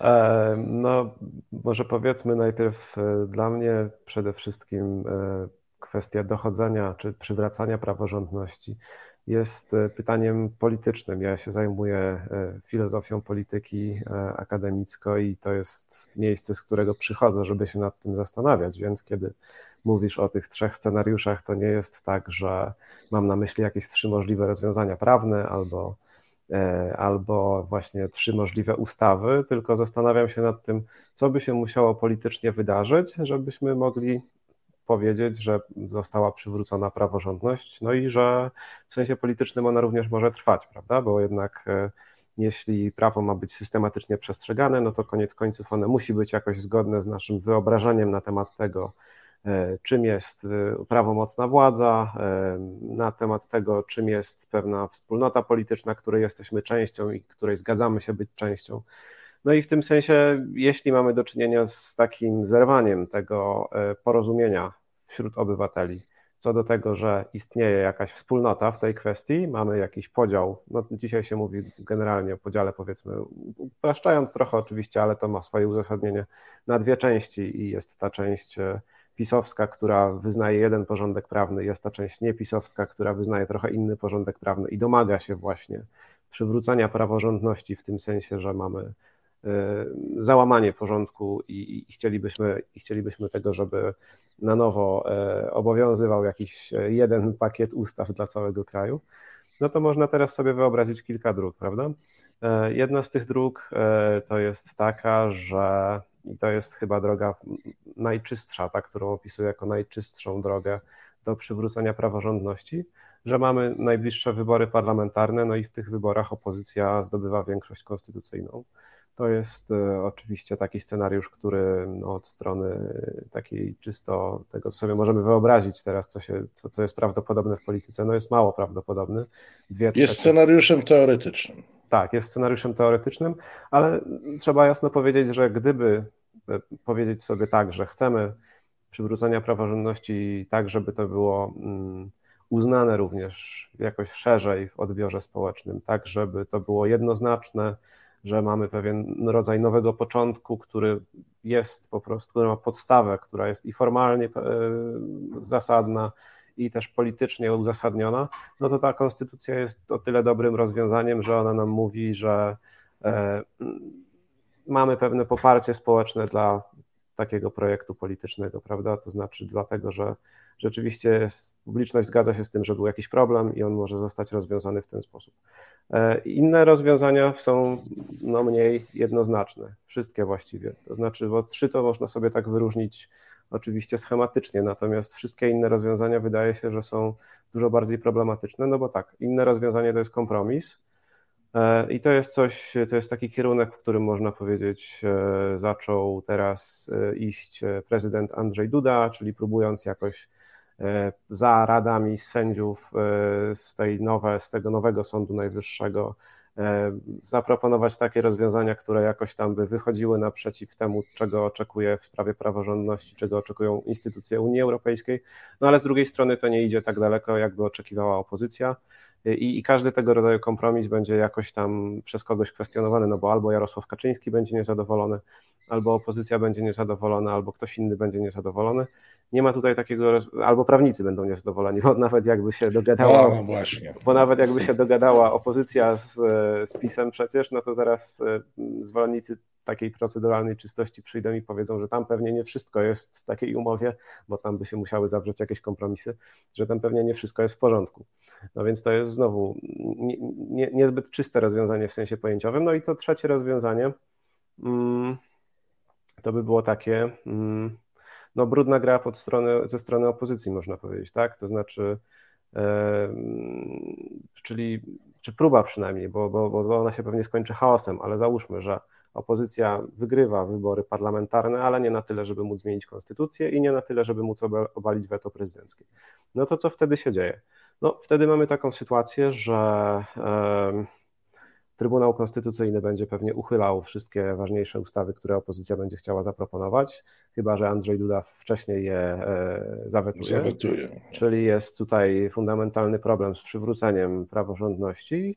E, no i można próbować ewentualnie stosować różne brudne chwyty, tak jak to robiło Prawo i Sprawiedliwość, w rodzaju rozważać niedrukowanie wyroków Trybunału Konstytucyjnego, no ale to znowu nie jest czyste rozwiązanie, prawda? Bo gdyby działać na podstawie tego, e, w co, co, co do tej pory było jasne, że jest działaniem praworządnym, no to nie ma jakby sposobu na to, żeby nie drukować wyroków Trybunału Konstytucyjnego, szczególnie, że o ile e, problem jasny dotyczy tego, że Andrzej Duda nie przyjął przysięgi od trzech sędziów, których wybrał Sejm e, poprzedniej kadencji, jeszcze tej przed 2015 rokiem, no to potem już te wszystkie kolejne nominacje, no to zdaje się, że nie ma wobec nich, e, nie, trudno wysunąć wobec nich jakieś zastrzeżenia formalne w każdym razie, prawda? No można powiedzieć, że nam się nie podoba, że ludzie tak nieumiarkowani w sądach i obyczajach jak profesor Pawłowicz znajdują się w Trybunale Konstytucyjnym, no ale że tak powiem no, no, niektóre wybory w demokracji są mądrzejsze, a inne są mniej mądre. No, jeśli większość parlamentarna takie osoby wybiera do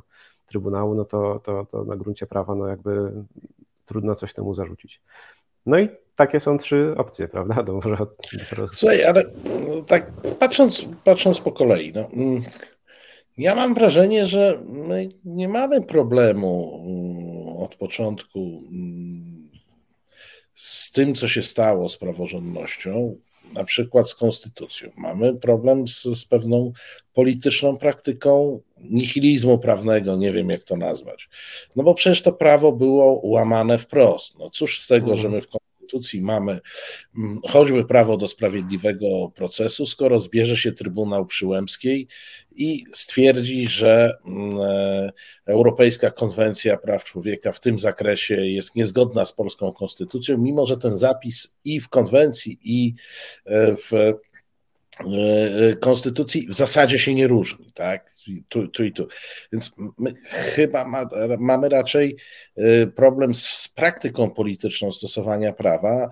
I teraz zastanawiam się, w jaki sposób zmienić, można by było z, zmienić e, konstytucję, znaleźć moment konstytucyjny, zakładając, że z jakichś przyczyn powstaje nam te 303 tam chyba głosy są potrzebne e, e, w Sejmie. Powstaje nam taka grupa 303 mm, e, posłanek posłów. No, no dobrze, zmienimy, ale to i tak w którymś momencie władza wykonawcza, zła władza wykonawcza może sobie chodzić y, wokół takiej konstytucji, jak chce, nie drukować y, e, wyroków albo drukować wyroki w zależności od, od, od sytuacji. Mm, jak mówisz o drugiej opcji, o opcji porozumienia, no to muszę ci powiedzieć, że nie wiem jak ty, ale ja jakoś nie czuję tej atmosfery. To znaczy, nie, nie, nie mam no, wrażenia, żeby, są... tak, tak, tak, żeby ten moment nadszedł, bo ja próbuję dojść do, do jakiegoś rozwiązania praktycznego, rozumiejąc, mm. że, że warianty są e, teoretyczne. Więc tak naprawdę jakąś realną ścieżką to musi być ścieżka, która e, pozwoli przywracać praworządność e, grupie powiedzmy 240 posłanek i posłów, bo to są chyba realne możliwości e, opozycji, a przynajmniej tych ugrupowań, które widzą problem e, e, z praworządnością. No i co z tym fantem zrobić? No, mamy 2023, masz 240 członków Izby Niższej do, do dyspozycji co robimy. No okej, okay, no ale to właśnie no, to, jest, to jest, tak jak wspominasz, to jest ten praktyczny problem, tak? Bo, że tak powiem, no, gdyby e, konstytucja była przestrzegana od A do Z, no to nie, nie, nie, było, nie byłoby dzisiaj takiej rozmowy, bo to nie, nie jest. tak, nie mielibyśmy, musielibyśmy rozmawiać na inny temat. Ten... Druga rzecz jest taka, że każda konstytucja jest, e, no, nie może obronić się sama. To znaczy, nie da się napisać takiej konstytucji, żeby, żeby ona wytrzymała wszelkie pozaprawne okoliczności. E, I, I, zawsze może się zdarzyć tak, że pojawi się siła polityczna, która będzie chciała obalić dany porządek, i konstytucja tego e, po prostu nie wytrzyma. Czyli oczywiście element kultury politycznej tutaj jest bardzo ważny, tak? Więc nawet jak, jak wspominamy o tym, że porozumienie jest e, jakieś takie szersze dzisiaj niemożliwe, i tak rzeczywiście jest no to koniec końców, jeśli myślimy o horyzoncie tego, co to by znaczyło żyć w stabilnym politycznie państwie, to jednak tam musi e, istnieć pewien element takiej wspólnej kultury politycznej, która, e, która przesądza o tym, że nie chcemy obalać istniejącego porządku jako całości raz na cztery lata. I nawet jeśli w tym momencie to jest niemożliwe, to jako taki bardziej długofalowy cel polityczny to powinno być w zakresie naszych wyobrażeń co do tego, czego, do czego powinniśmy zmierzać, jeśli byśmy mieli taki wybór.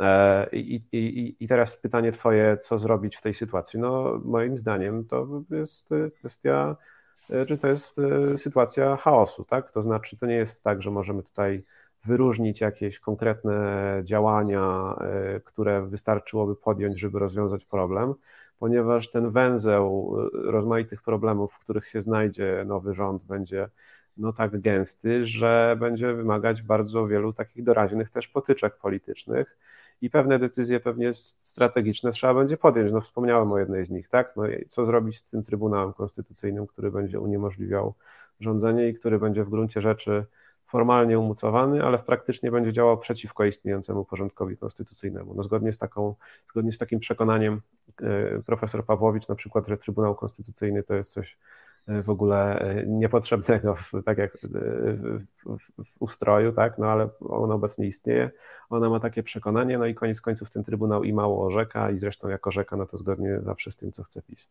No więc nie, nie ma jakby sposobu na to, żeby to ominąć, nie możemy też tak się oszukiwać, że zawsze w rzeczywistości istnieją rozwiązania na wszystkie problemy, no to jest właśnie taki problem, który jeśli go ujmiemy w taki sposób, to nie ma rozwiązania. No, polemizował z tobą profesor Sadurski, mówiąc o tym, że ścieżka podstawowa to jest restauracja, czyli po prostu musimy dojść do jakiegoś takiego e, stwierdzenia, jakiegoś takiego aktu prawnego, który e, no, oznaczałby, że co się zdarzyło po 2015, to się nie zdarzyło. Nie, ale to ja od strony prawnej się zgadzam z profesorem Sadurskim, tylko właśnie tak, y, tak jak zresztą napisałem w Gazecie Wyborczej w odpowiedzi do, na, na ten jego tekst, no, no, tylko wyobraźmy sobie konkret, tak? To zgłaszamy taką właśnie ustawę, załóżmy, że jest to ustawa o coś podobnego w rodzaju do tego, co napisała Justitia w kwestii e, naprawy Krajowej Rady Sądownictwa, tak żeby ona spełniała kryteria, których oczekuje o, o porządach prawa E, Trybunał Sprawiedliwości Unii Europejskiej i Europejski Trybunał Praw Człowieka.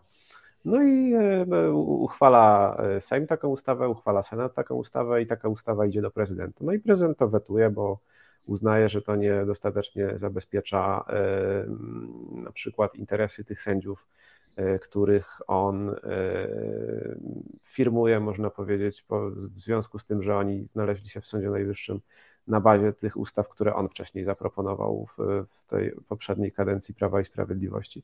No i co z tym zrobić? Jakby no to jest po prostu czysto polityczna kwestia, prawda? To nie jest tak, że gdyby, gdyby rzeczywiście istniała ta większość odpowiednia parlamentarna, gdyby istniało przekonanie wszystkich aktorów, którzy biorą udział w tym procesie, że taki cel jak przywrócenie praworządności w ogóle jest zasadnym celem, no bo przecież PiS nie uważa, że trzeba Y, przywracać, przywracać teraz jakąś praworządność. Y, Andrzej Duda y, ma co do tego takie mieszane stanowisko, coś tam uważa, że trzeba poprawić relacje z Unią Europejską, ale przecież koniec końców no to sam wymyślił połowę tych ustaw, które teraz obowiązują a y, z kolei Trybunał Konstytucyjny to już w ogóle pewnie jest najbardziej radykalny ze wszystkich i, i, i najchętniej to by, to by mm, y, uchylał wszystko, co tam miałoby jakkolwiek zmierzać do tego, żeby wyciągnąć powiedzmy rękę do tego, czego oczekują od polskiej e, instytucje Unii Europejskiej.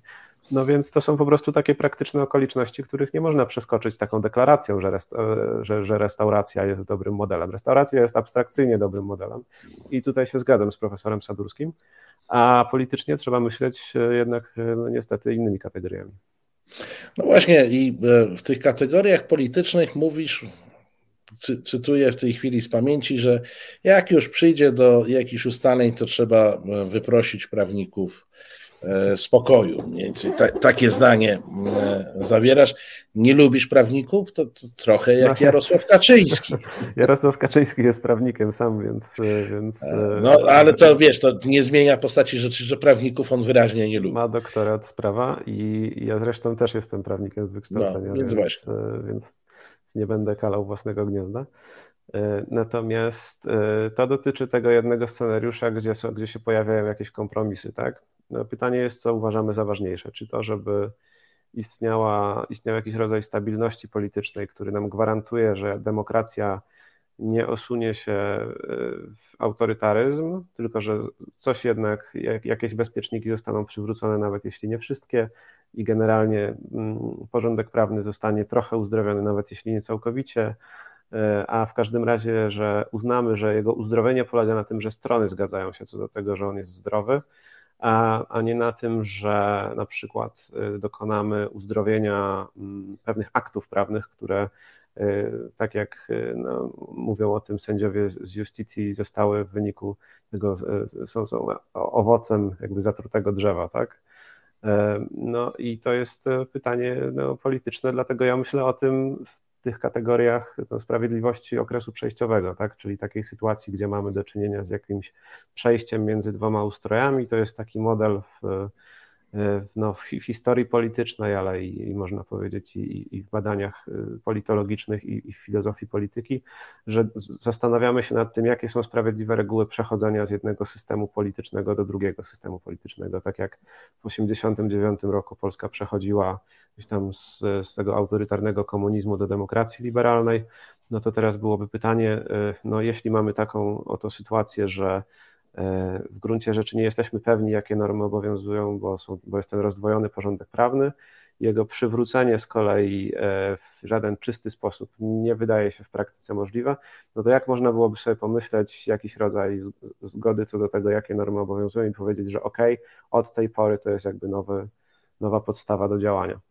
no, politycznie wydaje mi się po prostu, że trudno pomyśleć o innej alternatywie, jakby to, jak, jakby to miało wyglądać, ale, no, ale to znowu no, te praktyczne okoliczności są najważniejsze, tak, no bo zawsze pytanie, z kim się dogadywać, jak daleko można pójść w kwestii ewentualnych ustaleń, no na przykład ta ustawa, którą zaproponował Andrzej Duda, E, no z pewnością nie, nie, nie jest wystarczająca. No, ona, ona porusza jakąś tam jedną trzecią może problemu z praworządnością w Polsce, reszta ignoruje tak, jakby to nie istniało i jej, można powiedzieć, źródło, czy jej y, takie znaczenie jest no, w przeważającej mierze taktyczne. To znaczy chodzi o to, żeby dać jak najmniej instytucjom Unii Europejskiej, tak żeby pieniądze zostały odblokowane i tak żeby Trybunał Sprawiedliwości przestał się czepiać. I to, więc to jest rodzaj takiej gry, prawda? To jest nieszczere. To jest, to jest kosmetyka polegająca na tym, no chcecie z likwidacji Izby Dyscyplinarnej, dobra, zlikwidujemy, no, załatwimy to inaczej. Yy, omijanie sedna problemu. E, wiesz, ja akurat z, z tą tezą, że mm, prawnicy, yy, prawnicy nie muszą, a może nawet często nie powinni uczestniczyć w decyzjach e, politycznych, jestem zgodny, chyba że jakiś prawnik jest politykiem, to wtedy oczywiście e, wyłączam. No, no, mam cały czas w tyle głowy takie powiedzenie, które znam od kilkudziesięciu lat, że nie trzeba być jajkiem, żeby wiedzieć, jak zrobić jajecznicę. I mam też w głowie system anglosaski, w którym w parlamencie brytyjskim, jeżeli ma być projekt ustawy, to siada poseł, członek parlamentu, pisze jedną kartkę albo trzy kartki swojego pomysłu merytorycznego i oddaje prawnikom do napisania e, aktu, do, do napisania ustawy, ale meritum jakby leży w jego politycznym e, opisie. Tak? Prawnicy są ludźmi, którzy mają spowodować, że ten akt prawny będzie zgodny, wpisywał się w system. E, I tu pełna zgoda. Natomiast Zupełnie nie potrafię się zgodzić z profesorem e, Sadurskim, który polemizując z sobą mówi, że taka restytucja, taka, e, takie e, przywrócenie ancien reżimu to jest najlepsze, bo mieliśmy dobry system. Hmm. No, gdyby ten system był dobry, to byśmy go mieli nadal. No ale widzisz, no, to, jest, to jest właśnie ta różnica między tym myśleniem prawnym a politycznym. Nie? I, to, I to, co ja próbowałem powiedzieć w tym tekście, przez to, że um, czy, czy, czy ci prawnicy powinni być w pokoju, czy nie, to jest to, jest to że o ile prawnicy będą mieli rację od strony takiej właśnie czystości procedur, to to nie jest coś, co można wziąć po prostu i skopiować jako strategię polityczną, prawda? To, no bo prawnicy mają swój, swój y, jakby system porozumiewania się, język, który jest dość hermetyczny, e, zestaw priorytetów, które są innymi priorytetami niż priorytety przeciętnego wyborcy.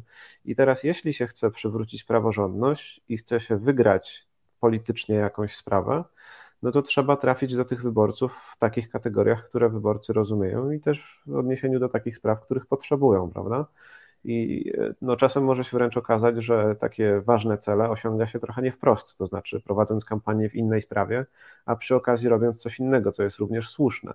Natomiast jeśli się przedstawi sprawę, jakby jeśli się pozwoli ustawić, y, mówiąc tak w największym skrócie, prawnikom na pierwszej linii frontu, to y, politycy stają się wtedy siłą rzeczy zakładnikiem tego, co ci prawnicy chcą zrobić, a to niekoniecznie musi być w ich politycznym interesie i w interesie tego, żeby mieli lepszy wynik wyborczy. I to jest paradoks pewien, prawda, bo, oni, bo to, że oni będą mieli lepszy wynik wyborczy, potem może być bardziej korzystne dla praworządności. Dzie ale... Dzięki wynikowi wyborczemu można ale... coś zrobić z praworządnością. Tak, tak, tak. tak. Dlatego wydaje mi się po prostu ważne, żeby rozumieć trochę, że to są dwie odrębne kwestie. No ale jak mówisz o tym takim mm, elemencie mm, przejścia, e, porównujesz do 89 roku, no można przywołać jeszcze ileś przykładów ze, ze świata e, zmiany systemu, to tam jednak występował taki czynnik, którego ja się w 2023 e, roku w Polsce nie spodziewam, a mhm. mianowicie nawet kilka czynników. Występował czynnik wyższości moralnej. E, opozycja w 1989 roku miała niezaprzeczalną wyższość moralną nad władzą i sama władza to czuła, nawet jeżeli tego e, nie mówiła. Jest czynnik siły. Wprawdzie opozycja w wyniku kontraktu miała jedną trzecią miejsc w Sejmie, no ale wynik wyborów dawał jej mandat w zasadzie nieograniczony do, do, do pokazywania, kto tu jest faktycznym reprezentantem Polaków nie będziemy mieli w 2023 roku ani takiej niekwestionowanej wyższości moralnej e, opozycji, ani nie będziemy mieli takiego wyniku wyborczego, przy którym będzie można powiedzieć: Halo, e, towarzysze z PiSu, was już nikt w Polsce nie lubi. Nie, oni dostaną te 30, 30 parę procent e, z całą. No, no może, nie wiem, przy jakimś strasznym kolapsie 25, no ale to będzie, to będzie nadal potężna siła. Siła siła, która w dodatku ma pewną łatwość w opowiedzeniu, że straciła władzę ze względu na spisek światowy, tam, nie wiem, Sorosza, Billa Gatesa, nie wiem kogo tam jeszcze e, e, za, zamieszają.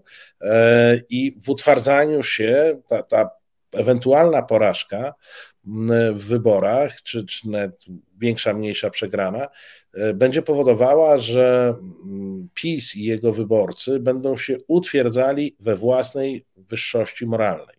Hmm. E, nie przyjmą, że, są tu, że jest tu jakiś inny zwycięzca na tym polu.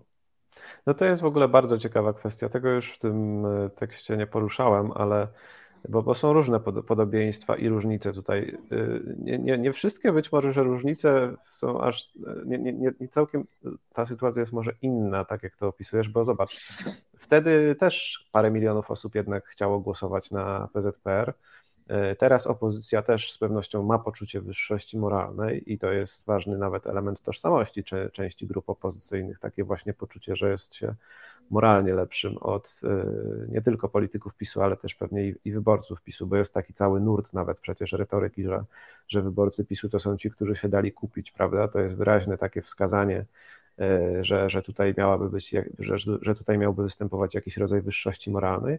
Te różnice realne, które widzę, e, są takie. Po pierwsze, że wtedy była jasność co do tego, że ten reżim jest narzucony z zewnątrz i e, w tym sensie e, to, to, była, to, było również, to był również głos za niepodległością, a teraz już żyjemy we własnym państwie, więc tego elementu nie ma.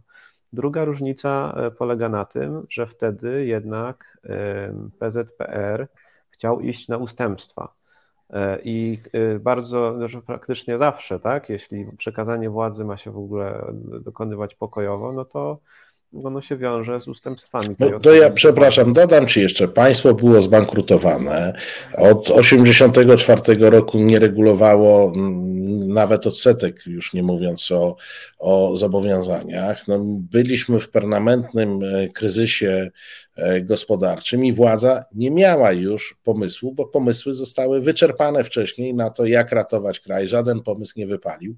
W związku z czym e, no, po, pod wieloma względami e, byli w tak rozpaczliwej sytuacji, że coś z tym trzeba było zrobić. I, i, i była świadomość, że coś z tym trzeba zrobić. W tej chwili nie, przecież my mamy pełne samozadowolenie. Tomek, no przecież wiesz, no kurczę, no, od sukcesu do sukcesu. No. Ale właśnie, e... więc, więc właśnie, więc teraz y, i to są ważne elementy tej sytuacji, które trzeba uwzględnić, prawda? To znaczy fakt, że obecna władza może się powoływać na ten argument suwerenności, i nawet wręcz używa go po to, żeby mówić, że broni tej suwerenności, ponieważ ona być może znowu jest zagrożona przez kogoś, no i kwestia tego, że y, i tutaj bardzo ładnie to w wydanej niedawno książce opisuje węgierski konstytucjonalista Andras Szajo, który mówi, to jest książka dotycząca y, teorii konstytucyjnej w, nie, w nieliberalnych demokracjach. I on mówi, że to jest taki właśnie rodzaj ustroju, który wręcz został wymyślony nie po to, żeby dokonywać pokojowego przekazywania władzy, tylko został wymyślony w takim celu, żeby tam reguły ustanawiano w taki sposób, żeby władzy nie trzeba było oddawać. Tak? No, teoretycznie istnieją oczywiście normalne wybory e, i, i, e, system jest formalnie rzecz biorąc demokratyczny, Natomiast y, o ile w liberalnej demokracji prawo ma zachowywać jakiś tam poziom neutralności co do tego, co do efektów jego stosowania, tak? To znaczy mamy pewną normę, wydarza się pewna sytuacja, no i stosujemy tę normę niezależnie od tego, dla kogo to będzie korzystne w danej sytuacji, bo po prostu wierzymy w to, że jest rywalizacja sił politycznych i jak się zmieni władza, to nie szkodzi, bo to jest nawet i dobrze, to to będzie, e, to będzie po prostu inna teraz grupa e, sprawdzi tam, czy tamci byli skorumpowani i tak dalej, że ta zmiana władzy jest wręcz czymś dobrym. No to tej nieliberalnej demokracji jest odwrotnie, to jest właśnie taki system, który będzie wymyślał takie reguły i interpretował prawo w taki sposób, żeby ta zmiana władzy była jak najmniej prawdopodobna. To jest bardzo ważne, dlatego że wszelkie rozliczenie takiej władzy, to samo mamy przecież teraz w kontekście debaty o komisji śledczej w sprawie Pegasusa, no jeśli w tak oczywistej sprawie jak to, że mogło dochodzić do inwigilowania e, polityków czy działaczy opozycji wobec rządu, e, nikt się nie chce tłumaczyć nawet z tego, nikt nie podaje się do dymisji, nikt, nikt nie chce co więcej nawet zbadać sprawy. Nawet jeśli nic się złego nie wydarzyło, to jakby sprawa jest na tyle poważna, że wymaga no, intensywnych i bardzo poważnych działań, no to to nam sugeruje, że władza nie ma żadnej e, intencji co do tego, żeby w ogóle pozwalać na to, żeby dawać się rozliczać. No więc w takich scenariuszach myślę, myślenia o tym, co potem ewentualnie, gdyby się jednak tej opozycji udało wygrać wybory, no to y, to, to mi sugeruje, że takie pomysły właśnie restauracyjne no są y, no po prostu niestosowalne, no bo ta władza nie chce nie chce, będzie trzymać się, zapierać się, trzymać się pazurami. Wszyscy ludzie, którzy pozostaną w instytucjach jakichkolwiek, będą działać przeciwko, e, przeciwko temu kolejnemu rządowi i uniemożliwiać e, jego normalne funkcjonowanie, chyba że, i to jest właśnie ta lekcja z e, tej teorii i historii transformacji ustrojowych, chyba że w jakiś sposób zostaną włączeni w ten nowy porządek. Tak? I to jest też coś, co co się stało w 1989 roku, to znaczy było powiedziane, że mamy okrągły stół, no i ten okrągły stół to jest szereg postanowień, ale też szereg gwarancji co do tego, że na przykład nie będzie, nie wiem, e, rozstrzeliwania albo wieszania ludzi odpowiedzialnych za jakieś e, funkcje w poprzednim reżimie. No to jest dużo bardziej drastyczne niż, niż to, z czym mielibyśmy do czynienia teraz, no bo teraz y, oczywiście y, jest zupełnie nieporównywalna sytuacja pod względem jakby opresyjności władzy. No, obecna władza nie jest w ogóle opresyjna w porównaniu z tym, co się działo w, w PRL-u. Mamy co do niej inne e, pretensje, ponieważ nasze standardy są dzisiaj dużo wyższe niż wtedy.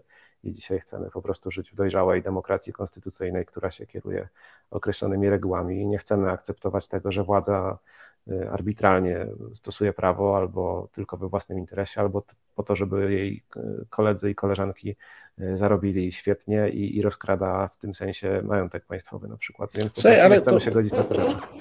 Pogadajmy chwilę o polityce. Tak. Takiej prawdziwej. E, po co? Dlaczego? E, obecna władza nawet przygrywając jakoś e, e, wybory, miałaby się godzić na jakikolwiek kompromis. E, tak naprawdę nie ma pola handlu. Wiesz, parę tygodni temu w, w tym programie... No jakieś tam pole jest, no jednak załóżmy, że... Po, pozwól, że, że dokończę, bo, Jasne, bo, bo sam przywołałeś Węgry. Parę tygodni temu w tym programie rozmawiałem z Dominikiem Hej, który, no, rozmawialiśmy o prawyborach, o tym, jak opozycja się e, na Węgrzech zorganizowała, o tym, że ma szansę wygrać wybory. No i na Węgrzech jest e, sytuacja analogiczna do polskiej. To znaczy, Dominik stwierdził, że no, nawet jeśli oni wygrają te wybory, to proces przejęcia władzy to będzie minimum pół roku, no bo te wszystkie pozostałe instytucje są oczywiście e, e opanowane przez e, Fidesz i procedury, a oczywiście opozycja będzie chciała dochowywać procedur e, prawnych, skądś to znamy, tak? I, I te procedury da się wydłużyć w taki sposób, że przez pół roku w zasadzie będzie jakieś takie niedopowiedziane bezkrólewie, a potem nawet jak, jak przejmą tą władzę, no to będą dysponować władzą wykonawczą, która będzie ograniczona tymi wszystkimi instytucjami zewnętrznymi systemu w działaniu. No i w Polsce przecież wygląda to analogicznie, sam powiedziałeś, będzie sobie jakaś władza, Po co oni mają się dogadywać, skoro Bach tu Trybunał coś zablokuje, Bach tu prezydent zawetuje, do 2023 roku będą mieli już pełną kontrolę nad sądownictwem. Ja nie mam co do tego złudzeń. Więc w sądach także ten rząd e, e, niczego nie wygra.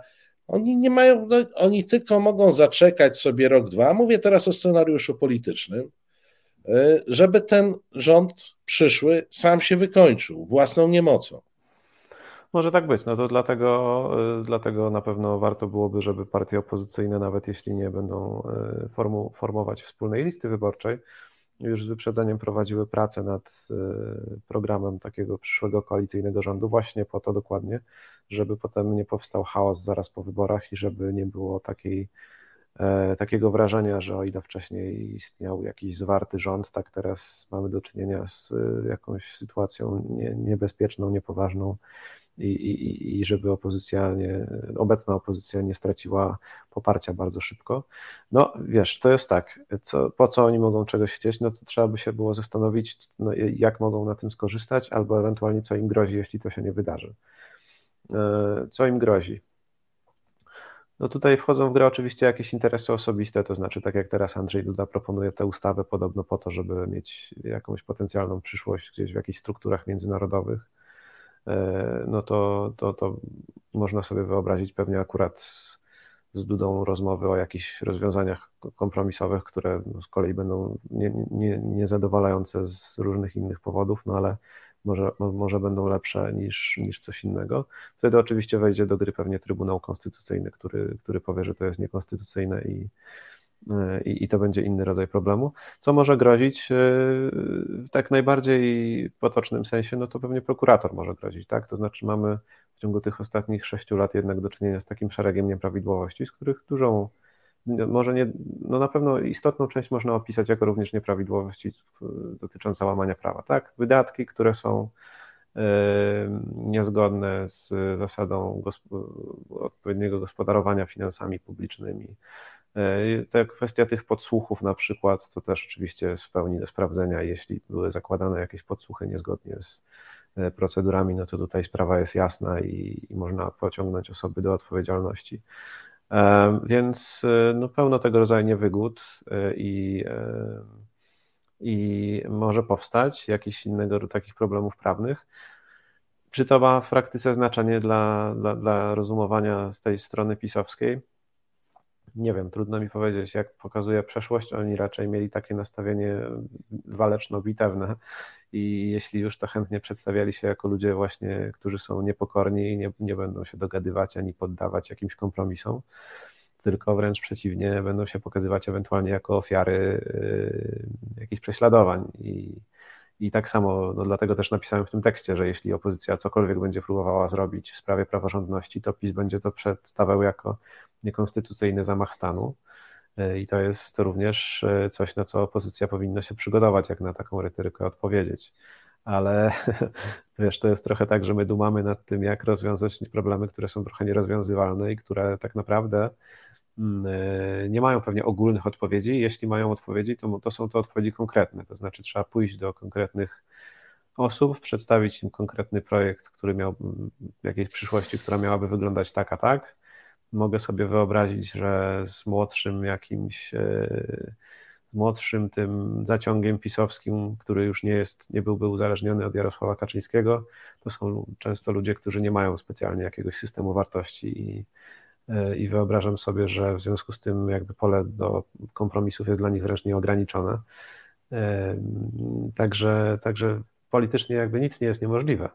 Pytanie, pytanie o te konkretne układy, które będą istnieć na przykład w 2023 roku e, i siłę poszczególnych graczy, bo jeśli na przykład w międzyczasie w siłę wzrośnie Ziobro, który wejdzie w koalicję z Konfederacją i będzie na tyle istotnym graczem, że będzie z kolei radykalizował wręcz e, tę stronę prawicową i wtedy PiS nie będzie mógł pójść na żadne kompromisy, ponieważ e, Ziobro będzie przedstawiać ich jako zdrajców, którzy, którzy sprzeniewierzyli się wszystkiemu, co polskie, no to, mm, to, taki, to taka polityka Ziobry wtedy pewnie by nadawała ton na prawicy i, i nie będzie można mówić o żadnym polu do normalizacji. No i to jest coś, co ostatecznie zresztą w tym tekście przedstawiam jako taki scenariusz pewnie najbardziej prawdopodobny, to znaczy brak normalizacji e, i, tego, i taki chaos, który nie pozwala właściwie przewidzieć e, żadnego trwałego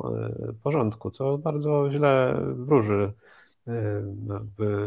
w przyszłości państwa po prostu, bo to powoduje, że wszelka konsekwentna praca nad rozwijaniem instytucji państwowych no, staje pod znakiem zapytania, bo jaka jest motywacja ludzi w rządzie, w administracji, żeby budować cokolwiek trwałego, jeśli wiedzą, że zaraz i tak przyjdzie ktoś inny i to wywróci do góry nogami, to wtedy promuje tylko takie postawy klientelistyczne, byle sobie i kolegom jak najszybciej nawrzucać do kieszeni, ale nie zostaje z tego nic wartościowego na dłużej, z wyjątkiem pracy takich jednostek, które się gdzieś tam no, wszędzie trafiają i po prostu mają poczucie misji i jak się im uda jakiś mały projekt przeforsować i przypadkiem nikt tego po drodze nie uchyli, no to to się dokona, ale to jest wtedy właśnie, nie jest to systematyczne, tylko jest to rodzaj takiego od przypadku do przypadku działania. Wiesz, poprosiłem Cię o tę rozmowę, bo e, po, po lekturze tego tekstu i e, po późniejszych tej reperkusjach w lekturze e, profesora Sadurskiego i twojej z kolei odpowiedzi e, w gazecie wyborczej, to ja w swoim, ja osobiście w swoim wahaniu myślowym, e, czy, nale, czy, czy należy się wystrzegać metod pisowskich w przywracaniu praworządności, czyli pójścia na skróty. Mm, bo trzeba się czymś różnić, tak? Jeżeli mamy rządzić tak jak oni, to, to po co w tym mhm. wszystkim? E, czy, czy jednak pójść tą drogą? To muszę ci powiedzieć, nie wiem, czy to skutek zamierzony, ale twój tekst trochę mnie przekonał do tego, że po prostu trzeba pójść ścieżką PiSu, to znaczy korzystać mhm. z większości rządowej, korzystać z władzy E, wykonawczej, e, forsować e, ustawy, które przywracałyby praworządność, przywracałyby ład prawny, nie uznawać Trybunału, tego grona, które obraduje w budynku Trybunału Konstytucyjnego za Trybunał Konstytucyjny i, i po prostu, że innej ścieżki nie ma, bo zacząłem myśleć nad wariantami, które pokazujesz i ich studium wykonalności, narazić się na wszystkie oskarżenia o łamanie konstytucji, zaśmiać się w nos, tak jak potrafiła się zaśmiać w nos pani minister Kępa, kiedy była ministrą i nie, nie drukowała, i po prostu robić porządek. Mhm. Tak, no można wyobrazić sobie, zróbmy eksperyment myślowy, co by było, gdyby teraz na czele opozycji stał Jarosław Kaczyński i, e, i przejął władzę po PiSie. I co on by zrobił? E, no więc. E, a, a na pewno by się nie zastanawiał. Nie, to właśnie tak, tak. Dlatego, skoro już wiemy, żeby się nie zastanawiał, to teraz możemy się zastanowić, jak, co, jaki byłby tok jego działań. Więc tak, dla Kaczyńskiego zawsze po pierwsze unieszkodliwić Trybunał Konstytucyjny, czyli trzeba wymyślić jakiś sposób na jego unieszkodliwienie, jeśli będzie to konieczne, nie drukować w ogóle wyroków Trybunału Konstytucyjnego i uznawać, że one nie istnieją. E, przygotować ogromną kampanię, e, wcześniej przygotowaną e, zarzutów prokuratorskich dla konkretnych osób i postępowań, które by były na tyle szeroko zakrojone, że kompletnie rozbiłyby możliwość spójnego działania Partii Prawo i Sprawiedliwość i też Solidarnej Polski. Kolejna rzecz, co jeszcze tutaj, no bo to są dwa takie najbardziej. No i to jest tylko właśnie, to wszystko zresztą wymagałoby również dużej bardzo sprawności takiej komunikacyjnej i uzasadnienia tego rodzaju działań przed opinią publiczną, no ale wyobrażam sobie, że Kaczyński również by mógł rozpocząć kampanię na rzecz delegalizacji Prawa i Sprawiedliwości jako partii antykonstytucyjnej, która e, nie, nie godzi się w ogóle e, przestrzegać e, porządku i dąży do obalania ustroju. Tylko właśnie pytanie teraz, które zadaję sobie jako rozsądny człowiek, który nie jest Jarosławem Kaczyńskim, no jest takie, że to jest taki rodzaj huśtawki, z której już się chyba raczej nie schodzi, tylko można ewentualnie z niej zlecieć na głowę, bo potem można sobie oczywiście wyobrazić odpowiedź na to, prawda? Która nie może być łagodniejsza niż to, co zostało powiedziane przed chwilą. No więc e, jest e, pewne działanie i ono się, ono się zawsze wiąże z pewną ceną. E, I teraz pytanie, kto jest w stanie zaryzykować i wygrać, albo kto jest w stanie zaryzykować i przegrać, i na czym polegałoby to zwycięstwo, i na czym porażka, jak rozumiemy zwycięstwo i porażkę w tym przypadku, prawda? No, ja jako człowiek, który jakoś jest przywiązany do ustroju demokracji konstytucyjnej, jako jednak koniec końców najlepszego ustroju, którym dysponują ludzie, no myślę sobie, że jednak rodzaj stabilności politycznej, który nie polega na takich, tak głębokim rozchwianiu ustroju, jest dla dobro, dobrobytu ludzi na dłuższą metę po prostu ważniejszy niż, e, niż co? No, niż takie, być może nawet niż e, sukces w przywróceniu praworządności na wszystkich frontach, bo, bo to zawsze jest kwestia stopnia, prawda? To znaczy zrobić tyle, ile się da, ale jednocześnie, jeśli to by się miało stać za cenę kompletnego rozchwiania ustroju, e, no to to rozchwianie będzie ostatecznie prowadziło do podważania tego, o co, o co walczyliśmy.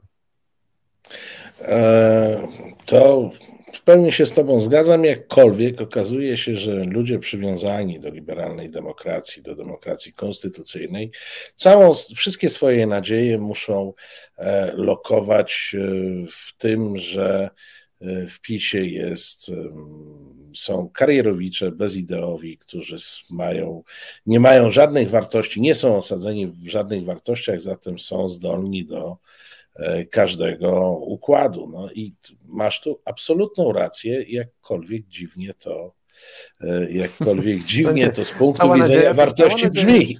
Nie cała nadzieja nie przesadzajmy. Dla mnie jednak jest taki, ja dlatego napisałem o tym scenariuszu większości konstytucyjnej, że tak sobie wyobrażam przynajmniej, że to jest taki wymierny cel, który mógłby łączyć e, całą opozycję, która wcale nie musi być w tym celu właśnie zjednoczoną opozycją, prawda?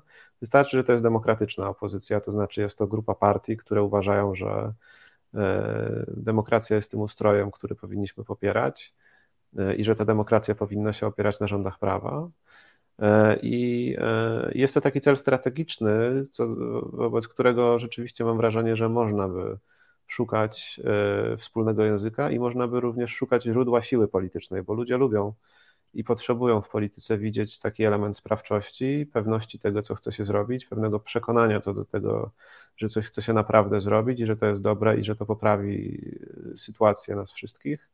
I mam wrażenie, że taki cel po prostu spełnia te wszystkie elementy.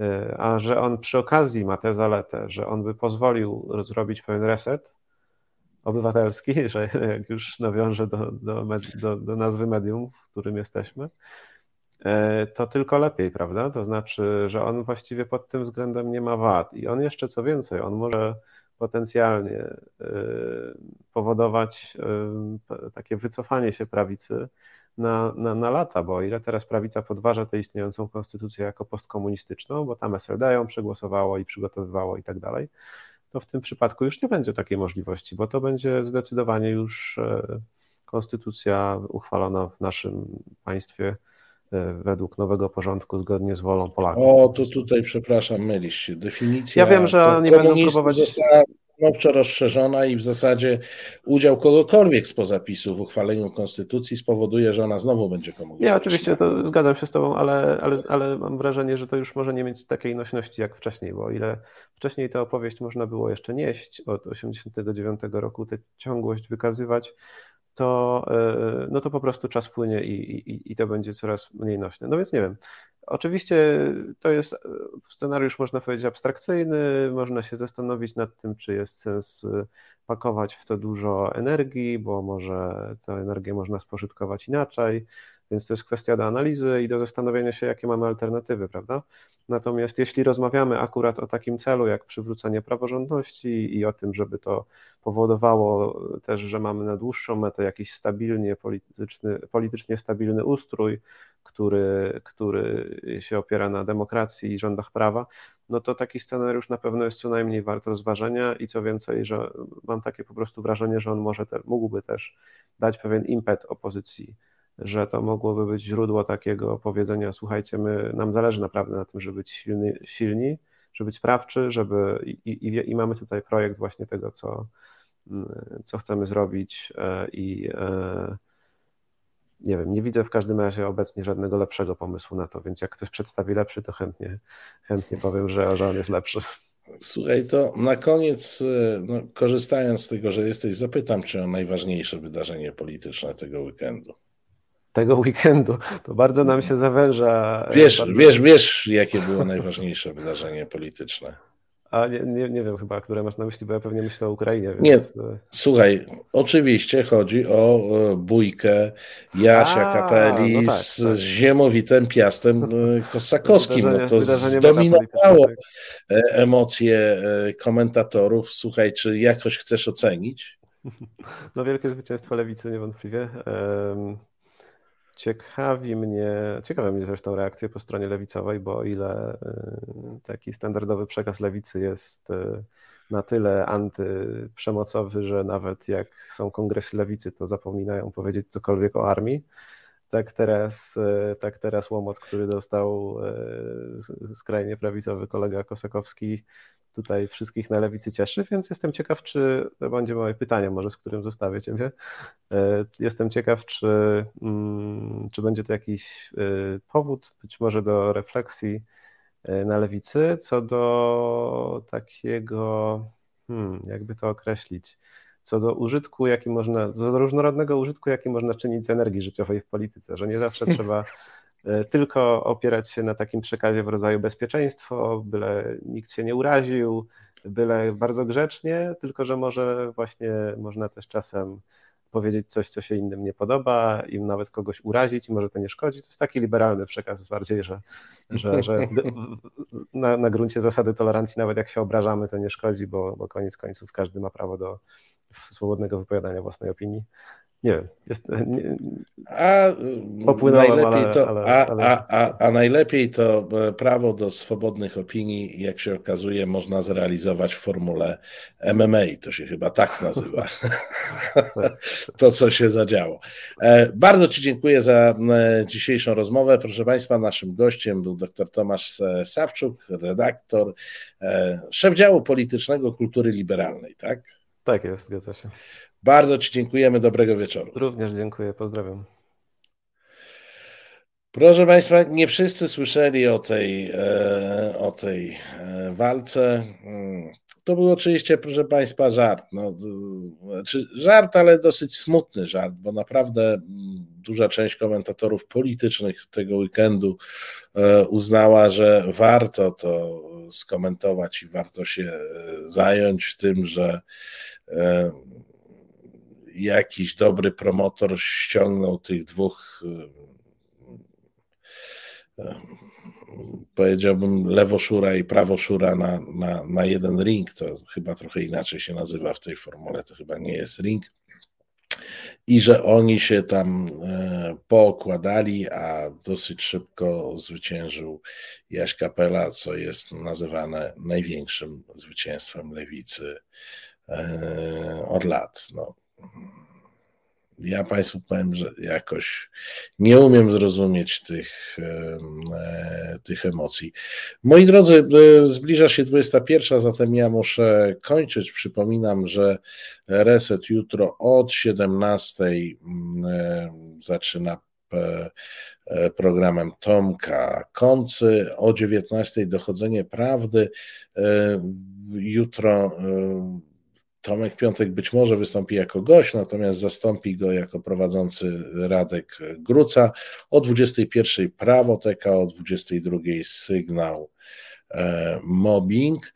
Ja Państwu dziękuję za dzisiejszy program i za uwagę i nieustająco e, dziękuję Państwu za wsparcie dla e, resetu obywatelskiego, obywatelskiego. Dzięki Państwu istniejemy, dzięki Państwu możemy się rozwijać. Bardzo dziękuję producentowi dzisiejszego programu, którym był Pan e, Łukasz e, Maciejewski. No i proszę Państwa, w tej formule widzimy i słyszymy się za tydzień. E, ja mam nadzieję, że nie będę w takim stresie czekał jak na dzisiejszy program, bo proszę Państwa, naprawdę do 18.30 e, nie miałem e, prądu w domu, ale byłem przygotowany, proszę Państwa, do nadawania awaryjnego, powerbanki rozstawione, laptop naładowany, internet i tym podobne, i tym podobne rzeczy. Miałem na szczęście pół godziny przed programem, prąd się pojawił, więc mogłem nadawać w sposób tradycyjny. Kłaniam się Państwu nisko, dobrego wieczoru. Reset Obywatelski.